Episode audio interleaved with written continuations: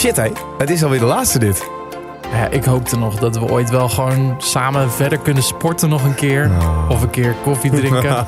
Dit klinkt heel lief. Oeh, wanneer voel ik me nou echt goed? Eh, als ik net een pizza op heb. Hmm. voel ik me heerlijk. Ik denk dus dat er best wel een soort van taboe op ligt dat vrouwen veel kracht Oh ja, en een hele grote taboe. Veel meiden, daarvan krijg ik altijd te horen van... ja, maar als ik dan echt zo zwaar ga liften... dan, dan kom ik er net zo uit te zien als mijn vriend. En dan zeg ik ook van mijn lief schat, het kan helemaal niet. Op een gegeven moment zit je op je max. En dat Maar mag ik dan vragen wel. wat jij dan nog aan jouw billen zou willen veranderen? God. Oké, nou dan gaan we een beetje in detail treden. Gezond Verstand, de podcast. Hey, mijn naam is Jordi. Ik ben radio-dj bij Slam. En het afgelopen jaar ben ik 28 kilo afgevallen door maar wat te doen. Samen met Martin van Mensheld en experts proberen we erachter te komen wat de beste manier is om gezond te leven en in shape te blijven.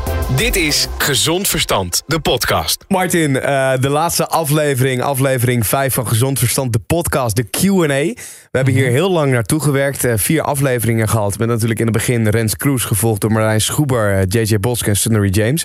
Heb je die nog niet geluisterd? Dat kan echt niet. maar ga dan even naar Spotify toe of naar Apple Podcasts, Google Podcasts. Overal zijn we te vinden. Ehm, ik vind het zo tof hoeveel reacties we hebben gehad inmiddels. Het zijn ook niet eh, een soort van heel leuk of zo. Het ik krijg echt hele verhalen en mooie verhalen, Ja. leuke verhalen Ja, bizar, van hè? mensen. Dus het, het is echt wel eh, ja, hetgeen waar ik het meeste impact van andere mensen van heb gehoord. Ik had het gehoopt, maar ik had het niet verwacht. Want ik krijg echt lappen met tekst in mijn DM op Instagram. Ehm, en daar sta ik echt versteld. Het zijn echt persoonlijke verhalen van mensen die ook een afvalstrijd achter de rug hebben. Of die, die nu juist midden in zo'n strijd zitten en hier heel veel Mhm. aan hebben. En dat is een beetje ons doel geweest om een soort van inspiratie te zijn voor mensen en om ze te motiveren. En dat is gewoon heel tof dat dat ja, gebeurt ook. En het doel was ook om het op een persoonlijke manier te doen. Dat we het ook met onze eigen eh, namen erin doen. En Ja. ehm, het blijkt wel dat dat dus echt werkt. Want je krijgt niet zomaar een persoonlijk verhaal over dingen zoals afvalstrijd of op psychologische problemen heb ik ook dingen over gehoord. Eens. Het voelt echt alsof we die verhalen verdiend hebben door vijf afleveringen nu in totaal te maken, zeg maar. Nou, en we zijn nog lang niet klaar. eh, tenminste, niet met deze aflevering. Misschien komt er wel een seizoen 2. Daar hebben we het nog niet eens over gehad. Mhm. Maar dat zou toch tof zijn. Eh, deze aflevering, de Q&A, gaan wij ehm, vragen beantwoorden. Die zijn ingestuurd. Maar je kan nog steeds gewoon reacties sturen, berichten sturen. Blijf ze delen. We proberen ze ook te beantwoorden gewoon buiten de aflevering om. Ja, Jordi niet. Warners op eh, Instagram. Jordi is dan met de I. En Martin de Jong met de Griekse I. Ook op Instagram. Vandaag hebben we een aantal experts die die vragen hebben beantwoord voor ons. Zij hebben dat eh, in een voiceberichtje opgenomen. Die gaan we zo meteen eh, laten horen. Eh, waaronder Bram Strikt. krachttrainer, coach voor het NOC-NSF, als ik het goed zeg. Judo-team, judoka-team, waar die ook traint, voor traint en zo, toch? Zeg maar het hoogste niveau krachttrainer van Nederland. Daar Ja. komt het wel een beetje En sinds kort ook mijn personal trainer, wat ik heel Ja. vet vind. Dat is wel leuk, hè? Dat is leuk, ga ik ook nog uitleggen. Dr. Ludidi is een eh, voedingsdeskundige. Klopt. Sam Efko is zijn naam. En eh, ja, hij zegt de man die alles weet over eh, niet alleen voeding, maar ook dingen als intermittent fasting. Heeft hij bijvoorbeeld net een boek over gepubliceerd. Ja, het wordt heel interessant om zijn antwoorden te horen op mooie vragen. De Dutch Giant. Ja, die komt ook ineens tussendoor, hè? ja, Olivier Richters. Ja, we hadden een, een aantal bijzondere vragen. En die sloegen op iets waar hij meer over kan vertellen. En wat dat is, dat hoor je natuurlijk zo. we hebben Tim, gedragspsycholoog. Klopt. Tim Konings. Eh, hij heeft een eh, bureau gespecialiseerd in gedragsverandering. En eh, vooral dus op sportief gebied ook. Maar hij heeft ook een, ja, een papiertje wat op de psychologische kant dus dieper ingaat. Dus zelfs op klinisch niveau. Dus hij kan echt, ja, Ja. echt dat gedragverandering kan En- helpen. En, en, en, ze werd ooit benoemd tot mooiste vrouw van Nederland. Was vroeger politieagent, maar eh, behoort nu tot de meest fitte vrouwen van Nederland. Is actief, populair Instagrammer, YouTuber. En heeft zelfs haar eigen app met workouts die je kunt volgen. Nosli in de studio. Hi, dankjewel. Superleuk om hier te zijn. Ja, we vinden het tof dat je erbij bent. Want ehm, nou ja, als er iemand verstand heeft, denk ik, van, van fit zijn, gezond zijn, er goed Ja. uitzien, je goed voelen. En dat uitstralen en delen met anderen, dan ben jij ook wel daar een heel goed voorbeeld van, denk ik. Nou, dankjewel. Dat vind ik heel vet om te horen. Ehm, hoe vaak breng jij door in de sportschool? Ehm, nou, het valt eigenlijk best wel mee hoor. Kijk, mijn normale workout routine is meestal gewoon vijf dagen in de week. Ehm, maar jij weet zelf ook met een druk schema lukt het niet altijd. Nee. Dus eh, soms vier of drie dagen is ook meer dan genoeg. En, ehm, en, en workouts, hoe lang ben je dan be- bezig met een gemiddelde workout? Nou, ik denk een gemiddelde workout met warming-up en de workout zelf en het stretchen dan natuurlijk duurt ongeveer twee uurtjes. Ja, Ja, ja, dat stretchen, dat je dat erbij zegt, dat is ook wel... Kijk, heel ehm, belangrijk. Wat, wat misschien ook wel even goed is om te vertellen. Het haalt de magie een beetje weg misschien. Maar de vier afleveringen die je tot nu toe gehoord hebt. Die zijn in december hebben wij die eh, opgenomen. Haalt heel, heel de magie weg. Maar eh, eh, dat maakt niet uit. Want ik was toen in een compleet andere fase dan dat ik nu inmiddels ben. Ik ben veel dichter bij fase 2 waar ik het heel vaak over gehad heb. Mhm. Dan destijds. Ik, ik heb inmiddels inderdaad personal training. Waardoor ik met kracht veel meer dingen weet te doen. Maar die heeft mij dus ook stretchen uitgelegd. En daar had ik ook nog nooit... Ja, ik had het wel van gehoord, maar ik deed het nooit. Ja, dat is wat hè. Vooral mannen skippen het heel vaak hoor. Ja, ik, had, ik zag jou daar laatst nog een Insta-story over posten. Maar, Ja. maar stretchen, wa- waarom is het goed en wat doe je precies? Nou ja, het zorgt er gewoon voor, eh, als je heel veel gewichttraining überhaupt doet, hè, laat dat duidelijk zijn, dat je gewoon heel erg eh, los wordt. Kijk, je zet gewoon heel veel druk op je spieren natuurlijk, uit het moment dat je even 120 kilo squat bewijzen van. Ja. En dat moet losgemaakt worden. En dat kan niet alleen door massage, maar dus ook door stretchen. En eh, ja, het zorgt er gewoon voor dat je gewoon injury-free blijft. Weet je, je krijgt gewoon geen eh, blessures erdoor en je blijft er gewoon gezond van. Ja. Ja, ik heb het ook jou zien doen in de sportschool. Dus het is niet alleen iets wat ze mooi roept. En ik heb er echt met een vriend op de matjes op de vloer zien liggen. En dat is niet een één minuutje even voor de show. Dat is gewoon echt uitgebreid stretchen, rekken, Doe jij het ook, alles. Martin? ja. Ik doe het eh, bij specifieke spiergroepen. Dus eh, als ik benen eh, of, of deadlift ga doen of benchpress, dan doe ik het heel erg. Dan ben ik, zorg ik echt dat mijn schouders helemaal warm zijn en mijn borst ook. Maar als ik biceps ga trainen of triceps, dan eh, is er geen gestretch in mijn workout. Oké. Oeh, dan krijg je gelijk op je kop van. eh, ja, van ze kijkt me heel boos aan. Ja. Nou, boos aan. niet hoor, maar het is zeker weten er- iets eh, waarvan ik gewoon denk dat iedereen dat moet doen. Of je nou man, vrouw, jong, oud bent. Het is gewoon super belangrijk. Ik heb er meestal geen zin in. Ja, het kan heel saai zijn. Ik weet het. En heel veel jongens zeggen ook van ja, maar dat is toch voor meiden? Dat doen toch alleen meisjes? Weet je? Ja, maar dat, Ja, maar dat is, wel zo. Ja. De meeste meisjes doen het. Maar het wil niet Ja. zeggen dat mannen het niet kunnen doen. En dat het niet goed voor ze is. En het, Ja, is, klopt. het is misschien ook wel een beetje de gêne. eh, want ik, ik had het vanochtend bijvoorbeeld bij de Fit for Free, waar ik dan eh gewoon een openbare sportschool waar ik dan kwam. En ik had daar nog nooit die stretchoefeningen gedaan. En ik had er wat van Bram geleerd. En ik liep daar zeg maar als een soort van gans.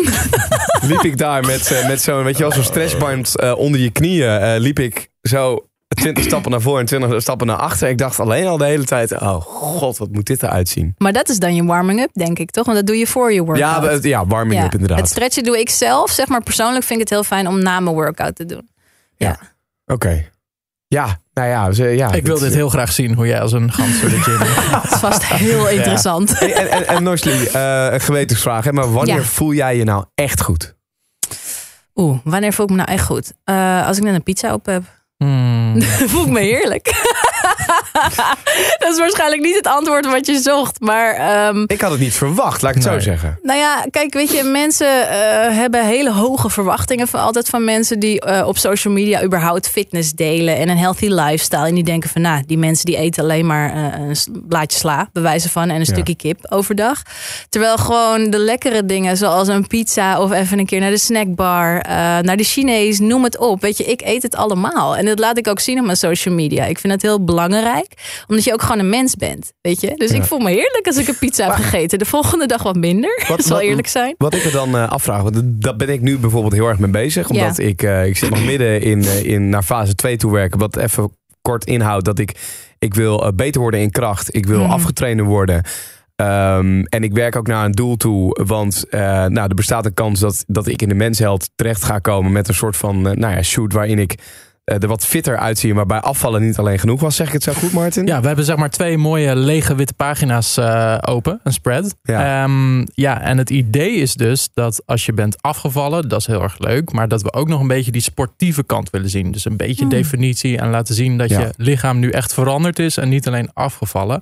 En als dat lukt, dan eh, hebben we een hele mooie feature voor je. Nou ja, da- daar ben ik nu dus in ieder geval een beetje aan, naartoe aan het werk. Wat betekent Ja. dat ik ook heel erg op mijn calorieën aan het letten ben. En Snap nou, ik. nu heb ik als doel 2360 per dag. Ja.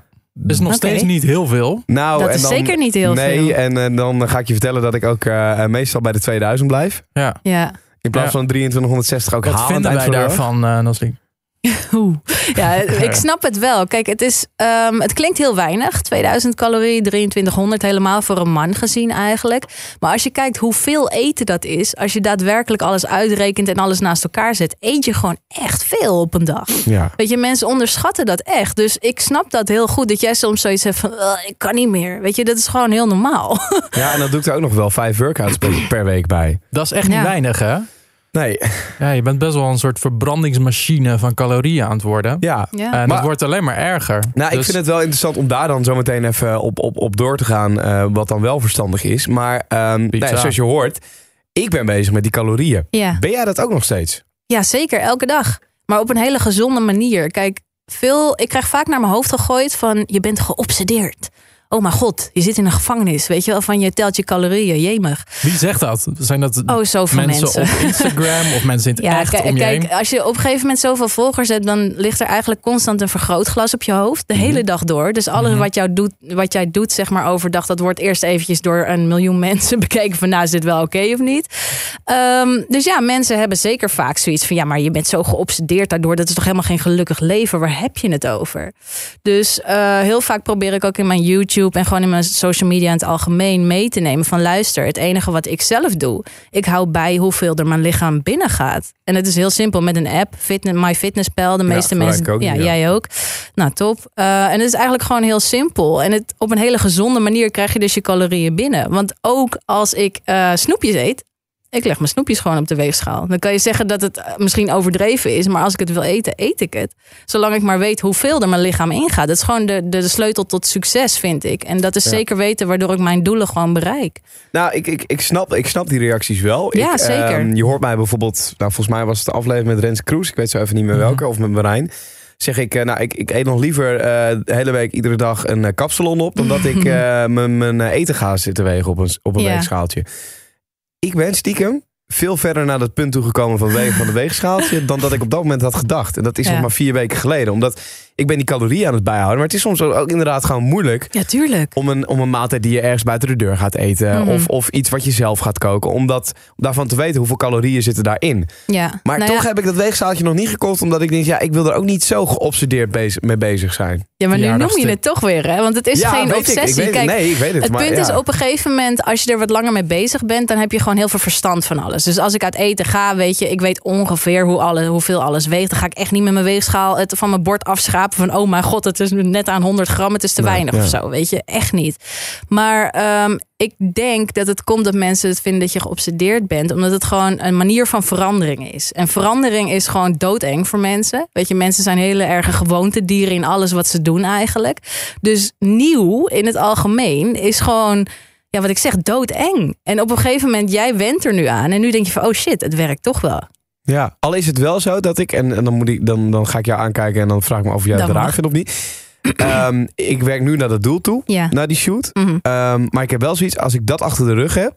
Ik blijf nog steeds sporten, sporten en, en ik wil nog steeds gewoon goed fit zijn. Ja. Maar ik wil eh, wel wat minder kunnen nadenken over wat ik eet. Dat, Dat ik zo, kan. met- dat, ik zo kan meteen. echt. Ja. Ja, maar dat ik zo meteen weet, oké, ik dat toen en toen zat ik goed. En ik Ja. hoef het allemaal niet meer bij te houden. Maar weet je nog wat Marijn zei? Die zei ook van, dit is hoe ik het doe en ik weeg het. En dit is Ja. echt niet op het allerhoogste niveau. Je hebt Nee, nu een manier niet. gevonden Nee, nee, dat nee. jij het kan doen. Dat je een beetje weegt, misschien dingen wel of niet. Nou, straks is je doel verdwenen en hoef je er ook niet uit te zien als een, ja, als een Goliath, zeg maar. En dan kun je het ook weer rustig aan doen. En alsnog zie je er dan net zo goed uit als een Marijn op zijn niveau, zeg maar. Ja. Dus dat je niet dat weegschaaltje Ja. gebruikt, wil niet zeggen dat je vervolgens als een soort Nee, nee, nee. South Park aflevering, eh nee. Cartman, Nee, oké, nee. Zo en ik, weet- ik, weet zeker dat tegen die tijd heb jij zoveel meer kennis door wat je nu alles zeg maar doormaakt en je het wel weegt, dat jij straks donders goed weet van oké, ik, ik ben nu een beetje opgezet, laat me dit even niet eten of dat juist wel. Ja, precies. je, en dan Ja. wat ik zeg, kennis is gewoon macht in dit hele fitness gebeuren.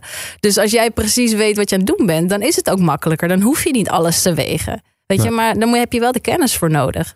Ehm, Osli, Ja. jij eh, doet veel krachttraining volgens mij, of niet ook? Heel veel. Ja, en Alleen maar. ehm, voor alle vrouwen die nu op dit moment aan het luisteren zijn. Ja. Ik denk dus dat er best wel, eh, en dat weet ik niet, ik ben geen vrouw, maar dat er een soort van taboe op ligt dat vrouwen veel krachttraining oh doen. ja, en een hele grote taboe. Dat eh, benoem je goed. Ook ja, veel meiden, daarvan krijg ik altijd te horen van ja, maar als ik dan echt zo zwaar ga liften, dan, dan kom ik er net zo uit te zien als mijn vriend. Ja. Weet je, en ik reageer, probeer altijd heel persoonlijk te zijn op mijn social media en vooral dat soort vragen te beantwoorden. En dan zeg ik ook van mijn lief schat, het kan helemaal niet. Weet je, mannen hebben gewoon over het algemeen een heel hoog testosterongehalte, Ja. waardoor je spieren zo snel groeien. Nou, daar moet ik echt. Ik denk dat is gewoon niet haalbaar. Weet je, mijn vriend Jeremy, die is twee bij twee zo ongeveer. Ja. Ik zou nooit zo kunnen worden. En toch eh, hang ik elke dag aan de gewichten. Met heel veel plezier. Weet je, dus het is gewoon niet mogelijk. En het is zelfs heel knap. Stel, het zou je lukken om er als vrouw zo, Zo. uit te zien. En hoe? Ja, maar er zijn vrouwen eh, bij bodybuilders eh, die ook echt met, met sixpacks en Ja, ziet en heel maar dat Ja. zijn dus bodybuilders. Dat die is zijn wat daar anders. 24-7 mee bezig. Die trainen elke rep met het idee van die spier moet groter, die spier moet Ja. groter. Terwijl wat zij doet is meer gewoon trainen als ik wil mijn spier prikkelen. Ik wil die stimulatie. Dat is heel Ja. wat anders dan eten als een bodybuilder, trainen als een bodybuilder, slapen als een bodybuilder. Maar ook En gebruiken als een bodybuilder. Vergeet dat nog- niet hoor. Je moet nog geluk hebben, zelfs al doe je alles als een bodybuilder als vrouw, om er dan alsnog zo uit te zien. Het Och. is echt bijna onmogelijk. Ja. Dus ehm, heel knap als je eruit ziet als je vriend. Ehm, waarschijnlijk betekent het eerder dat je vriend eruit ziet als een vrouw, dan dat jij eruit ziet als een man. Ja, en, en, en kijk, ik vind het dus, en ik denk ook dat dat een beetje met het taboe meespeelt, dat heel veel mannen het ook niet eh, heel eh, ja, aantrekkelijk bij hun vrouw vinden, of de- bang Nee, zijn dat het op een gegeven moment niet. Aan, maar ik, ja, ik ga morgen mijn, eh, mijn vriendin meenemen naar een Hey. bankdrukkliniek. Van Bram toevallig. Maar eh, ja, het lijkt mij heel leuk dat zij dat kan en dat zij daar Ja, ligt. maar het en is toch ook. Ik bedoel, hoe cool is het als je uiteindelijk gewoon je passie, of het nou fitness is, of je doet crossfit of hardlopen, weet ik veel, met je partner kan delen. Ja. Nou, jij Dat kan is het ons zo vertellen, heerlijk. denk ik. Ja, tuurlijk. Het is, het is gewoon zo chill. Kijk, weet je, Jer die zit soms met dezelfde struggles als dat ik zit. Als ik bijvoorbeeld moet afvallen voor een fotoshoot of zo. Of hè, shit, die ene spier groeit niet lekker. Dan weet hij precies waar ik het over heb. Mhm. Snap je? En je kan gewoon gezellig samen je workouts doen. eh, maar ook heerlijk genieten van een pizzaatje tussendoor. Weet je, het is gewoon het delen met elkaar wat het allemaal zo leuk maakt. Ja. Ja, dat, dat vind ik er gewoon heel vet aan. Ja. Ja, tof. Eh, Maar eh, heb jij nog, ehm, want je bent al, hoe lang, hoe lang ben je bezig met, met, met sport, fitness? Jemig, ik denk dat ik de eerste keer in de sportschool kwam toen ik, eh, nou, wat was het, 18 was of zo. Ik ben nu net 27. eh, maar ja, de eerste paar jaar, je weet mijn god niet wat je aan het doen bent. Nee. Echt ja, niet? nee. Nee, klopt inderdaad. Dus eh, ja, het is nu een aantal jaar. En ik denk dat ik kan zeggen dat ik nu ongeveer drie, drieënhalf jaar echt professioneel bezig ben. Dat ik echt gewoon precies weet wat ik doe. Eh, we hebben samen ook een personal trainings eh, diploma gehaald van Fitvak. Ik samen met Jeremy. Dus je, Oh, hebt, er- je hebt er kennis van, weet je wel. En toen dacht ik van, hé, hey, ik ga nu echt goede veranderingen zien. Dus dat duurt gewoon even. Maar heb je dan nog doelstellingen? Oeh. Ehm, af Of- en toe. Af en toe. Kijk, ik ben nu op een punt dat ik denk van nou, cool. Weet je, mijn apps die zijn er gewoon standaard na een Ja. aantal jaar trainen. Maar ehm, het enige wat ik dan nog zou verbeteren, en dat is heel erg cliché. Dat is mijn achterkant. Weet je, dat, dat blijft gewoon een, een vrouwendingetje natuurlijk. Maar ik heb niet specifieke doelen. eh, behalve dan als ik bijvoorbeeld een, eh, een cover shoot heb. Of ik heb een eh, fitness event. Dat ik denk van nou, ik moet ietsje afvallen. Of ik wil juist ietsje aankomen. Maar voor de rest doe ik het eigenlijk gewoon omdat ik het heerlijk vind. Weet je, ik voel me Ja. er goed door. Je blijft er langer door leven. Laten we dat ook voorop Ehm, en dat is wel iets wat mij ook gewoon staande houdt daarmee. Weet je, ik vind het gewoon leuk.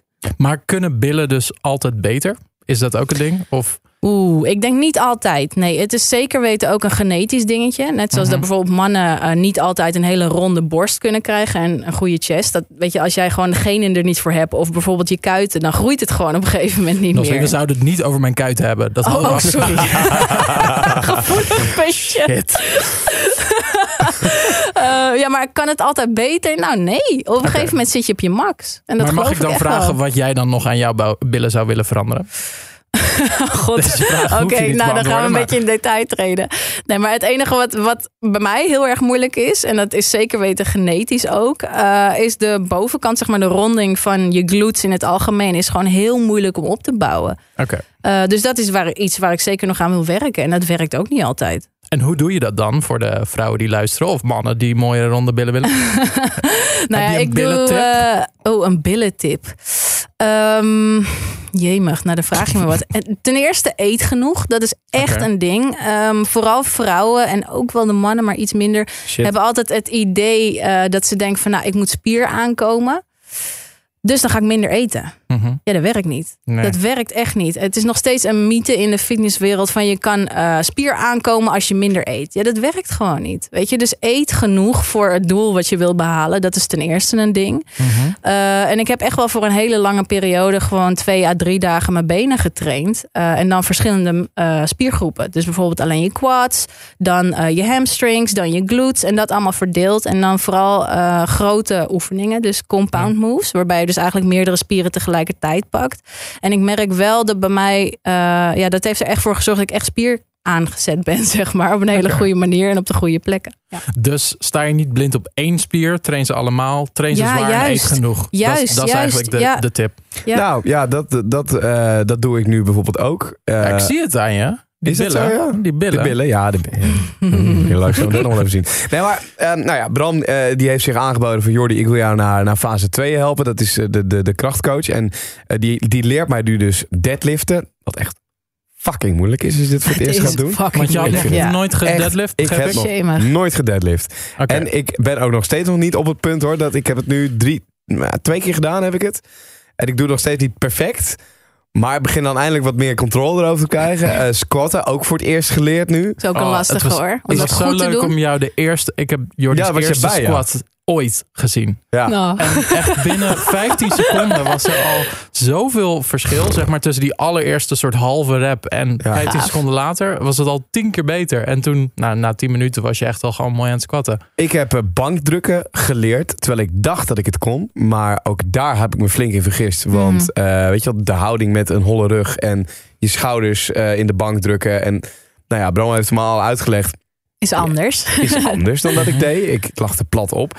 Eh, allemaal dat soort dingen zijn hartstikke tof. Maar Ja. eh, ik zit nog steeds met het eten. Want Ja. ik zeg net 2360. Ik Mhm. haal, haal nou, niet eens iedere dag die 2000 calorieën, denk ik. Omdat ik op een gegeven moment denk, ja, waarom zou ik om 10 uur s'avonds nog die 300 calorieën naar binnen zitten werken? Mhm. Als ik nou, prima vol zit en dat buikje wat daar nog zit. ja. Weet je wel, dat, dat kleine flubbertje, dat moet nog weg. Dus, eh, Ja, maar dan moet je het doen door juist te eten. Ja, hè? Het maar- moment dat je te weinig gaat eten, eh, Ja. kan je ook aankomen. maar, maar hoe dan? En wat, wat moeten dan de calorieën wel zijn? En hoe bereken je dat het beste manier? Want zo'n bereken, zo'n zo'n calorieberekenaar online ja. zegt ook, dat, dat zegt voor afvallen 2360 bij mij geloof ik. 2800 om te onderhouden en Ja, maar kom jij nu nog aan of val je af? Ja. ik val af nu. Oké, nou dan eet je te weinig. Want jij wil eigenlijk meer spieren bouwen voor die fotoshoot en meer definitie. En je wil die verbrandende caloriemotor worden. Nou ja, dan is net die 300 die jij misschien te weinig eet, is net het verschil tussen wel of geen Mhm. spieren aan, aanzetten. Dus dan zou ik zeggen, ja, zorg dat je in ieder geval genoeg eet dat je niet meer afvalt.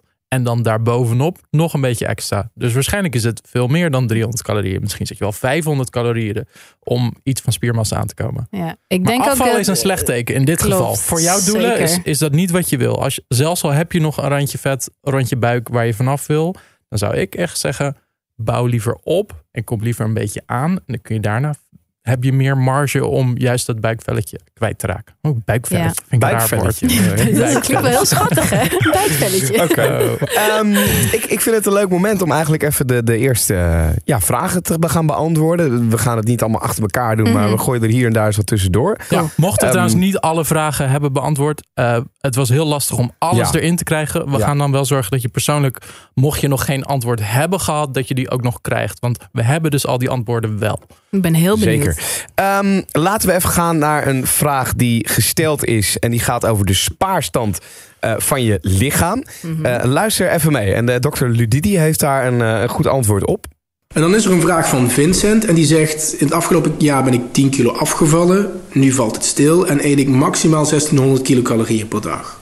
Soms haal ik de 1200 niet eens. Klopt het dat je lichaam een paniekmodus heeft en dat het vet vasthoudt voor reserves? Wat kan ik eraan doen? Ja, wat kun je doen als je lichaam in die zogenaamde spaarmodus zit? Ehm, voor ik daarop inga is het misschien handig om te weten waarom is die spaarmodus er. Normaal gesproken, onder natuurlijke omstandigheden, streeft je lichaam naar een evenwicht. Ehm, dus je lichaam probeert het lichaamsgewicht zo constant mogelijk te houden. Je ziet dat ook bij dieren, die veranderen eigenlijk helemaal niet zo snel in lichaamsgewicht. Dus als wij meer gaan eten, neemt de stofwisseling mee toe. En dan, dan stijgt die stofwisseling, waardoor het lichaamsgewicht uiteindelijk weer ongeveer stabiel blijft. En wanneer we minder gaan eten, dan daalt de stofwisseling langzaam, zodat het lichaamsgewicht niet te hard eh, daalt. Maar je kunt je voorstellen als je voor een lange periode ehm, te weinig eet, dat het lichaam in een soort van paniekmodus uh, raakt, een spaarstand raakt en denkt van, weet je, ik weet niet hoe lang dit nog, nog gaat duren, uh, dit relatieve energietekort. Laat ik maar wat voorzichtiger met uh, de energie omgaan die binnenkomt. Laat ik nu maar eens een deel van de energie opzij zetten. Opslaan in de vorm van een reserve, in de vorm van vet. En wat je dus ook ziet, is dat wanneer mensen langdurig te weinig gaan eten, dat ze opeens vervetten. Dat ze misschien wel aankomen. En dat is eigenlijk een beschermingsmechanisme voor een evolutionair beschermingsmechanisme voor uh, ja, mogelijk periode van voedselschaarste. Dit is, uh, in ons DNA is dat erin geslepen, geslepen. En vroeger uh, 10.000, 100.000 jaar geleden was het een heel handig beschermingsmechanisme. Alleen tegenwoordig in deze obesogene samenleving werkt het af en toe tegen. Uh, mijn tip aan de beste Vincent is dan ook om... Ik hou niet heel erg van kilocalorieën tellen... maar 12 klinkt wel heel erg als een low energy diet. Uh, zorg in ieder geval dat je rond de 2000 kilocalorieën... 2200 kilocalorieën zit als man... met een relatief uh, sedentaire leefstijl, met een relatief uh, inactieve leefstijl. Dus die, rond die 2200 kilocalorieën moet je wel zitten. En kies vooral voor um, natuurlijke producten, natuurlijk eten, onbewerkt eten. Want suikers en vetten in bewerkt eten worden heel snel opgenomen en die zet je dus ook heel snel om in een uh, vetpuffertje. Ja, zo, hm. dat is wel het meest complete antwoord ja, uh, wat we hadden kunnen Daar hebben we het net ook over, hè, met te weinig ja. eten. Ja, dus... Uh, dus, okay, 300 calorieën vanavond gaat er toch echt even in, denk nou, ik. ik uh, moet er nog 900 hoor voor vandaag, ik oh. vertellen. Oh. Ja. Zijn bijnaam is stiekem Vincent? Of? nee, nee, nee, nee, nee, zeker niet, zeker niet. Nee, absoluut niet. Um, en, en ben jij, uh, Norsli, ook heel erg bezig met de macronutriënten? Um, ja, Yes. Ik heb meestal Wacht, de... ik, ik, ben ik heel oh. blij dat ik macronutriënten heb gebruikt in mijn uh, woordenschat. Want dat heb ik Weer geleerd, wat geleerd bij Marijn. Maar macronutriënten, dat zijn inderdaad die koolhydraten, de eiwitten ja. en de vetten. Heel, heel belangrijk. En je hebt ze alle drie nodig. Laat me dat even eerst zeggen. Ja. Uh, mijn standaardverdeling is eigenlijk... Uh, ik pak altijd gewoon de procenten. Dus dat is 40%, 30%, 30% uh, okay. van de koolhydraten, proteïne en vetten. En dat werkt gewoon bij mij altijd uh, goed. Het is een goede verdeling. Het is ook een standaardverdeling die heel veel gebruikt wordt in de fitness. Um, maar ik moet wel zeggen dat het ook uitproberen is. Kijk, vooral, uh, jij weet het natuurlijk ook. Je lichaam kan heel anders reageren op bijvoorbeeld vet dan die van mij.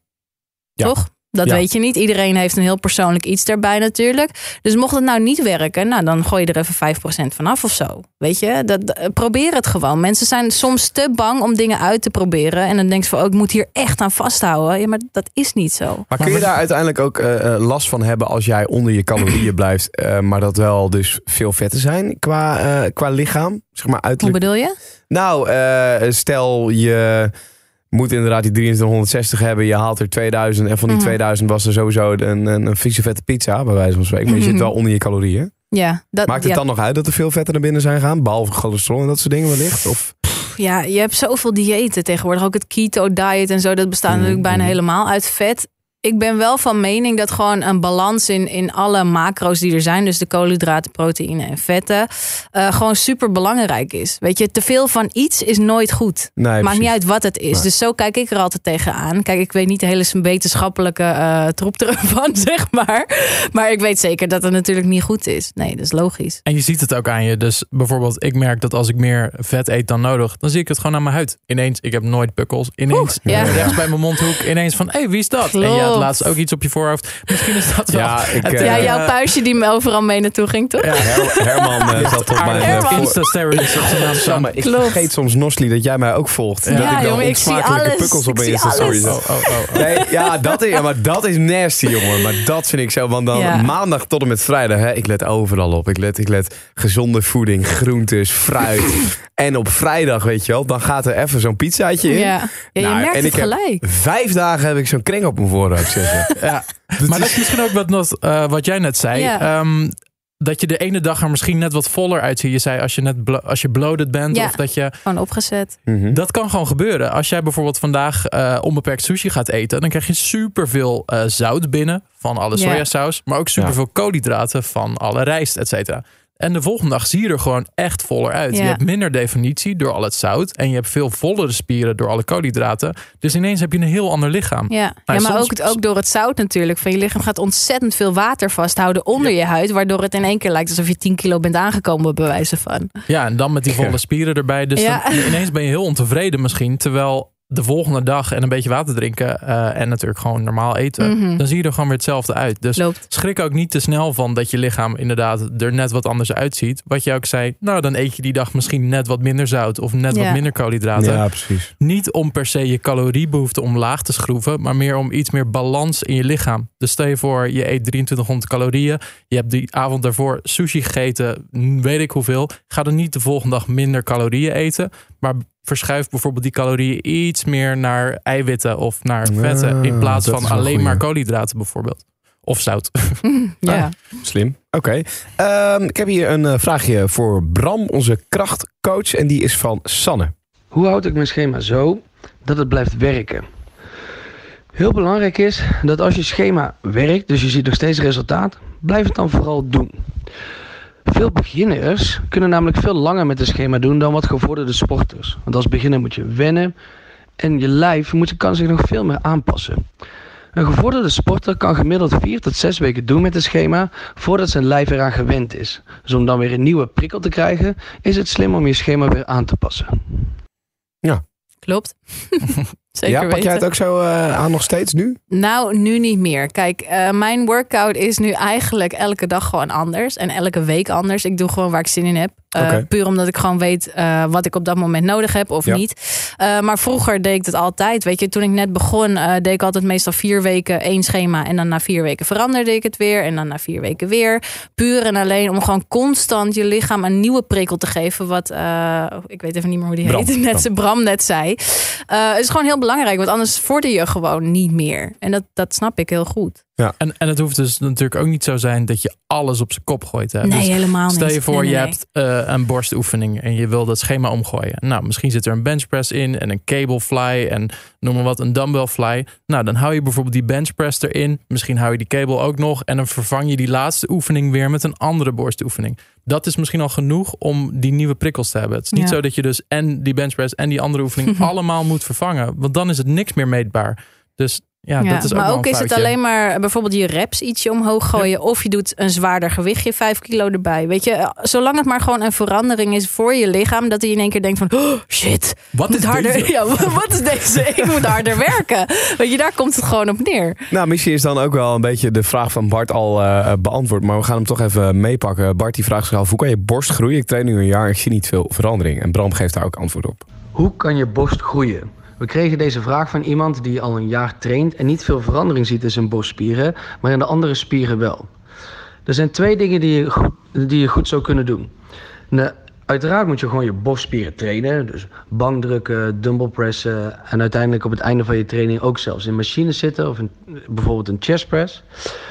Ehm, maar om goed kracht op te bouwen en daardoor te zorgen dat je uiteindelijk meer spiermassa kan kweken, kan je het beste bij je hoofdoefeningen, bijvoorbeeld het bankdrukken, een 5x5 methode aanhouden om zoveel mogelijk kracht op te bouwen. In je bijoefeningen, zoals een dumbbell press of een chest press, daar kan je dan wat meer op hypertrofie werken, dus 8 tot 12 herhalingen, om zo een mooie combinatie te hebben van kracht en spiertoename. En zo kan uiteindelijk je spieren beter groeien. Het tweede ding wat je ook nog goed kan doen, is werken aan je houding. Vaak trainen mensen alleen maar borst, waardoor hun schouders meer naar voren komen te staan, omdat hun borstspieren beginnen te trekken.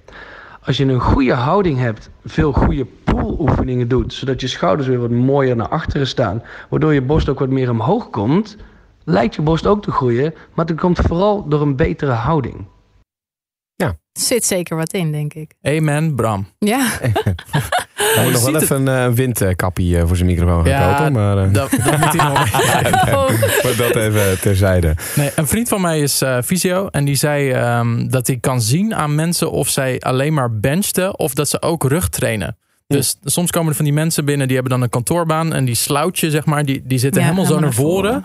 Omdat ze dus denken, nou, ik moet borstspieren hebben. Maar vervolgens hebben ze ook een computerbaan, dus die rug die doet niks. Dus het moet echt in balans zijn. Dus als je een goede Ja. ontwikkelde rug hebt, dan trek je het ook naar achter. Wordt trouwens je borst ook mooier en groter, want doe maar eens je borst zo naar voren. Dan zie je het verschil. Klopt. Ehm, en dan is alles in balans. Dus dan heb je niet meer zo'n gamersrug. eh, maar gewoon een mooie rug. Ja. Ja, balans is wa- wat dat betreft heel belangrijk. Ook voor Zo. de meiden die nu zitten te luisteren van train alsjeblieft niet alleen je benen. Weet je, ik weet dat vrouwen in het algemeen heel bang zijn om überhaupt een bovenlichaam mee te pakken. Maar inderdaad, wat jij ook zegt, weet je, je postuur, alles zie je gewoon. En je krijgt enorme blessures ervan. Als je alleen maar één en dezelfde spier blijft trainen. En dat doet pijn. Waarom zou je het willen? Ja, klopt. Eh Nosli, ehm, ik kreeg een eh, vraagje van Anne. Ja. Ehm, en eh, zij zegt, en deze heb ik vaak voorbij zien komen. Mijn Mhm. familie is altijd heel af, afkeurend als ik zeg dat ik meer wil sporten of echt op mijn voeding wil letten. Dat demotiveert heel erg. En ehm, andere vragen die erop aansluiten, en die kan ik er even niet, eh, niet bij vinden. Maar het was ook een ander meisje wat mij een berichtje stuurde. Die zei, ja weet je, ik, ik ben altijd heel erg ermee bezig en zo. En op, op feestjes en dat soort dingen. En je ziet toch dat mensen altijd heel erg heel erg naar kunnen reageren of Ja. afkeurend of zo. Van nou, dan heb je die saai weer. Of eh, ga nou gewoon mee naar het feestje, doe gezellig. Weet je wel, dat. Je bent toch geen konijn? Ja, Oh god, nou ja, dan, het is een leuk voorbeeld en ik snap precies wat ze bedoelt, echt waar. Ehm, over het algemeen wat ik zei, mensen kunnen niet tegen verandering. Als zij zien van, hey Jordi is in één keer 10 keer kilo afgevallen, wauw. Maar dan hebben zij zoiets van, ja, ik heb dat niet, dus waarom zou ik blij voor hem zijn? Dat is iets dat werkt gewoon standaard zo in het men- menselijk brein, helaas. Eh, maar dat is wel iets waar je gewoon een pure scheid aan moet hebben. Weet je, toen ik nog bij de politie werkte, weet ik nog, zal ik nooit vergeten. En alle agenten die nu zitten te luisteren, die met mij hebben gewerkt, weten dit. Ehm, ik was altijd degene die bakjes meenam naar de politie. Ja, als ik de hele dag eh, godver in een auto zit, dan kan ik niet eventjes langs een restaurant om wat eten te gaan halen. Weet je, je, je bent gewoon 112 meldingen aan het rijden. Dus ik had altijd mijn rijst mee, mijn kip, eh, mijn groenten, eh, snackjes tussendoor, appel dit, eh, water. En mijn collega's zaten me aan te kijken. Die zeiden ook van, ben jij een konijn? Oh, daar heb je die weer, want die drinkt geen alcohol. Nou, ze hebben je bakjes al meegenomen. Weet je, dat soort dingen. Ze maken je belachelijk puur en alleen omdat ze waarschijnlijk zien dat er bij jou iets heel erg cools aan het gebeuren is. Want je bent aan het veranderen. Maar dat kunnen ze niet hebben. Snap je? En dat is echt een menselijk ding. Ik heb er nog steeds last van. Iedereen in de sport heeft er last van. Want mensen willen er niet aan. Weet je, die hebben zoiets van ja, je bent gewoon geobsedeerd. Weet je, waar we het net ja, ook ja, ja. over hadden. En dat is heel vervelend. En vooral als het van je familie komt. Maar ook bij de politie. Ik had zoiets van ja, leuk voor jullie. Maar kijk hoe ik eruit zie. En kijk hoe jullie eruit zien. Je had wijkagenten, die zijn gewoon, weet ik, tegen de 100 kilo aan. En als er dan gerend moest worden, dan keek ze mij aan van ga je even wat doen. Snap je? Ja, maar dat is wel zo'n concreet voorbeeld. Dat ik denk van ja, waar succes is, is gewoon haat. En dat maakt niet uit of dat nou van een familielid is, van een vriend, van je omgeving of waar je dan ook bent. En uiteindelijk, toen Nosli de politie verliet, zat iedereen aan de bakjes en een konijntje. Nou, Oh. top. Weet je, omdat ze gewoon zagen dat het werkte. En nu ineens is het de normaalste zaak van de wereld. Het, het, het gebeurt, eh, want ik, ik had het laatst, het was hier geloof ik, was met een, eh, een borrel. En eh, de, de stagiairs namen afscheid. En nou, er kwamen op een gegeven moment schalen met bitterballen en snacks en weet ik veel wat naar binnen. Natuurlijk, heerlijk wel. En ik ben daarbij gaan blijven staan. Want ik had ook zoiets oh, dit, dit, dit vind ik zelf tof als ik hier zo meteen weg kan lopen en ik heb er niets van gehad. ja. En niet dat ik me dat zelf niet gun, want ik wil, ik wil ook dat wel kunnen eten af en toe, Mhm. dat niet. Maar op dat moment had ik zoiets van, ja, ik kan het nu even niet gebruiken. ja. Ehm, dus dat lukte mij. Maar vervolgens, ik had honger en ik had mijn salade. Of ik had gewoon mijn, ja, mijn salade had ik nog in de Mhm. koelkast staan. Dat was mijn avondeten. En ik, ik nam dat weer mee, zo naar die borrel toe. Ik zat daar wat te eten. En ik dacht, kut.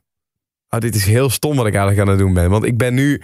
Nu, nu, het voelde heel erg alsof ik even aan iedereen wilde laten zien van ja jongens, ik ben wel gezond aan het doen. Terwijl het helemaal niet, dat, dat was helemaal niet zo. Ik maar, wilde dat ja. niet aan de rest laten zien. Ik wilde niet per se de attentie naar mezelf toe halen van jongens, ik ben gezond en dat doen jullie niet. ja. Maar ik had gewoon honger. Ik was gewoon mee eten. En toevallig was dat op dat moment inderdaad een salade. Omdat Ja. dat mijn gezondere keus was. Maar Mhm. ja, je bent daar iedere keer mee bezig. Dus ik Ja, er zit een soort van goed. sociale druk op, Ja. denk ik ook. Dat als jij wel anders bent dan de ander, of als je buurman, dan denk je van, ah shit, ik schaam me een beetje. Maar waarom Ja. zou je? Ik bedoel, jij bent degene die gewoon kiest voor een level 2 van jezelf, om het zo over te zeggen. Weet je, jij bent gewoon aan het werken naar een betere versie van jou.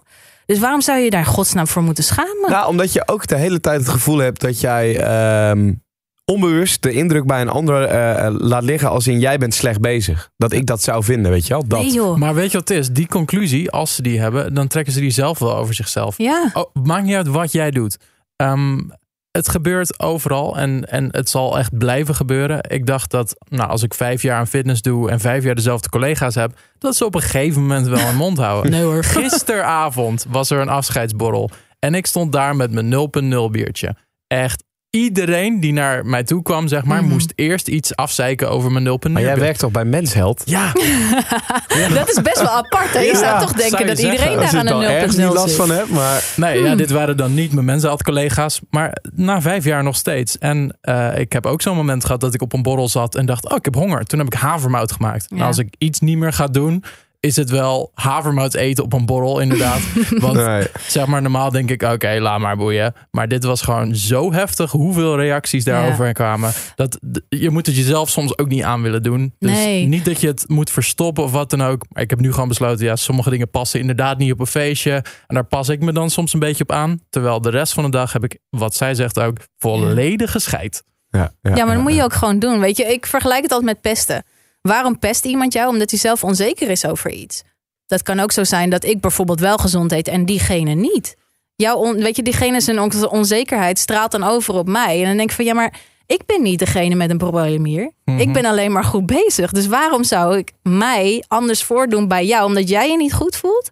Weet je, het is gewoon, er zit geen logica in, maar het gebeurt wel. Ja, Dus- het is makkelijker om jou af te zeiken dan om ja, naar mezelf tuurlijk, te omdat kijken. het en te denken, waarschijnlijk. oh, misschien eh, misschien ja. moet ik dat ook maar doen. Dus waarschijnlijk Klopt. die mensen die jou afzeiken nu, zijn straks de eerste die vragen, oh, hoe heb je dat eigenlijk gedaan, Jordi? Dat is altijd ja, zo. ja, ja. Nou, nou, nou Altijd zijn het zo. collega's, dus eh, afzeiken eh, is er absoluut niet gebeurd.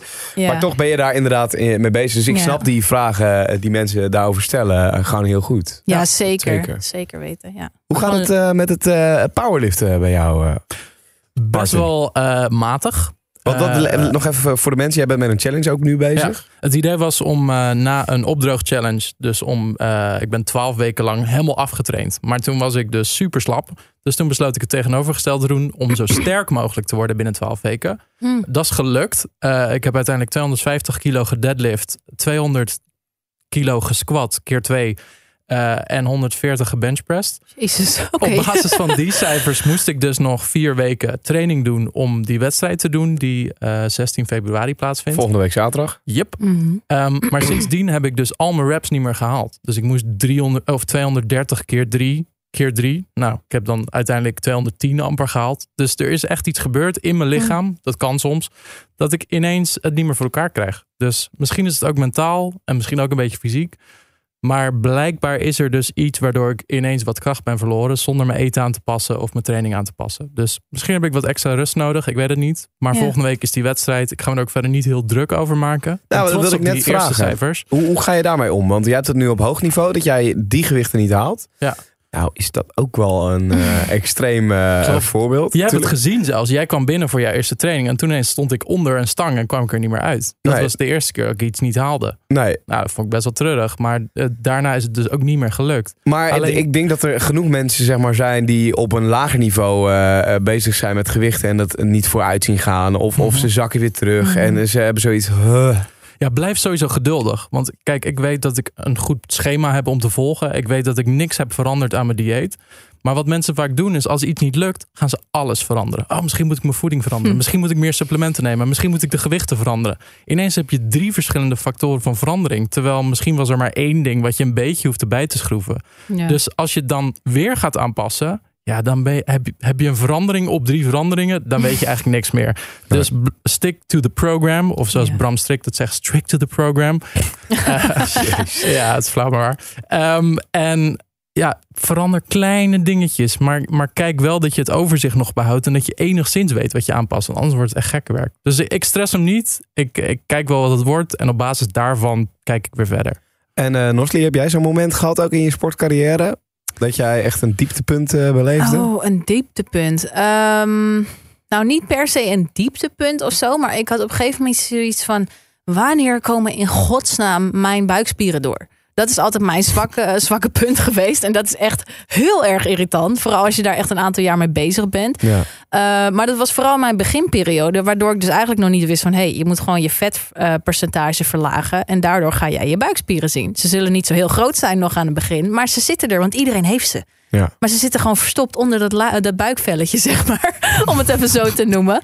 Ehm, en toen, ik was zo gefrustreerd, jongen. Maar juist doordat ik zo gefrustreerd was, gebeurde er helemaal geen moer. Weet je, dan ga je jezelf zo tegenwerken in alles wat je doet. Ja. Dus dat jij ook zegt van, nou, ik ga het helemaal loslaten en ik zie wel hoe die wedstrijd gaat, is stop. Want Ja. misschien bij die wedstrijd voel je je in één keer Superman en kan je het wel gewoon. Weet je, dat mentale spelletje is zo belangrijk als je daar bewust van bent. En toen ik dat los heb gelaten, dacht ik, oké, adem. Ga even op internet lezen wat je er wel mee kan doen. Weet je, vergaar je kennis en doe het gewoon. En nu zijn ze er. Goeie. En wat was dan uiteindelijk je geheime eh, ja, fout of ingrediënt waarmee het wel is gelukt? Ehm, nou, bij mij was het vooral eh, heel erg dat ik te weinig had. Ik dacht altijd van, ja, shit, ik moet juist weinig eten. Ja, want- godsamme, nou is het wel klaar hoor met die Ja. confrontatie. Ja. Ja, Ja, nee, sorry Jordi, maar na dit gesprek weet jij precies wat je moet doen, toch? ja, ga verder. Ga verder. Ehm, nee, in ieder geval, bij mij was het echt, ik at te weinig koolhydraten. Waardoor Mhm. ze eigenlijk dus nooit vol waren. En je ze ook nooit kon zien. Waardoor mijn vetpercentage alleen maar omhoog bleef gaan. En ik was zoiets wat doe ik nou verkeerd? Jemig, weet je. En ik had heel zoiets oh, alsjeblieft, van verander. En je dacht, ik kan niet nog minder eten. Nee, inderdaad. Want weet je, ik had al honger de hele dag. Mm. Eh, ja, en zoals ik zei, weet je, vergaar gewoon je kennis. Er staat op internet staat ook heel veel bullshit. Laat me dat vooral even vooropstellen. Maar lees gewoon meerdere artikelen. Kijk bij anderen. Volg misschien influencers die heel veel informatie geven. En ook echt alles uitleggen. Je hebt nu YouTube, je hebt Instagram, van alles en nog wat. Ehm, en toen ik dat veranderd heb, zag ik echt een grote verandering in mijn buik. Dat ik echt dacht om van, precies te zijn. Holy shit. Ja, bijna wel, ja. Ja. Oh. ja. Dus eh, ja, nu zitten er standaard vier buikspieren. En als ik echt mijn best doe, zes. dus daar ben ik Nice. heel blij mee. Ehm, En hoop voor Jordi. En hoop voor mij, ja, Zeker. inderdaad. Al weet ik nog Zeker. steeds niet hoeveel calorieën ik wel wil moet hoor. Maar dat is dan die, eh, die, die weg inderdaad. Je moet steeds wat meer gaan eten. Ja, blijven experimenteren. Dat hoor je ook weer uit jouw verhaal. Durf ook, hè. Jordi? Ja, dat eh, is het Er is niet één gedeelte. weg om iets te bereiken. En iedereen is anders. En probeer ook gewoon dingen uit. Ja. En als het niet lukt, nou, dan probeer je het volgende.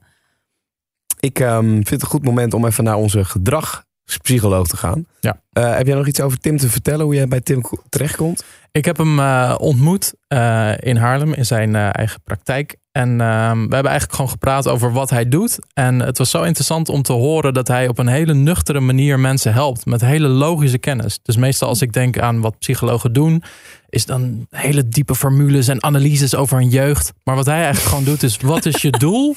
En wat is de weg om het te bereiken? Ehm, en vaak is die heel erg simpel. Alleen maken mensen het heel ingewikkeld. Of hebben ze geen concreet plan. En hij helpt ze eigenlijk met de soort van eh, dingen verwijderen die het moeilijk kunnen maken. En ze een soort pad geven waar ze hun doel mee kunnen bereiken. Dus het is allemaal super nuchter. Het is gewoon een hele nuchtere, chille gast. Dus, ik denk eh, overigens dat wij deze aflevering kunnen indienen bij de gemeente Haarlem voor subsidies.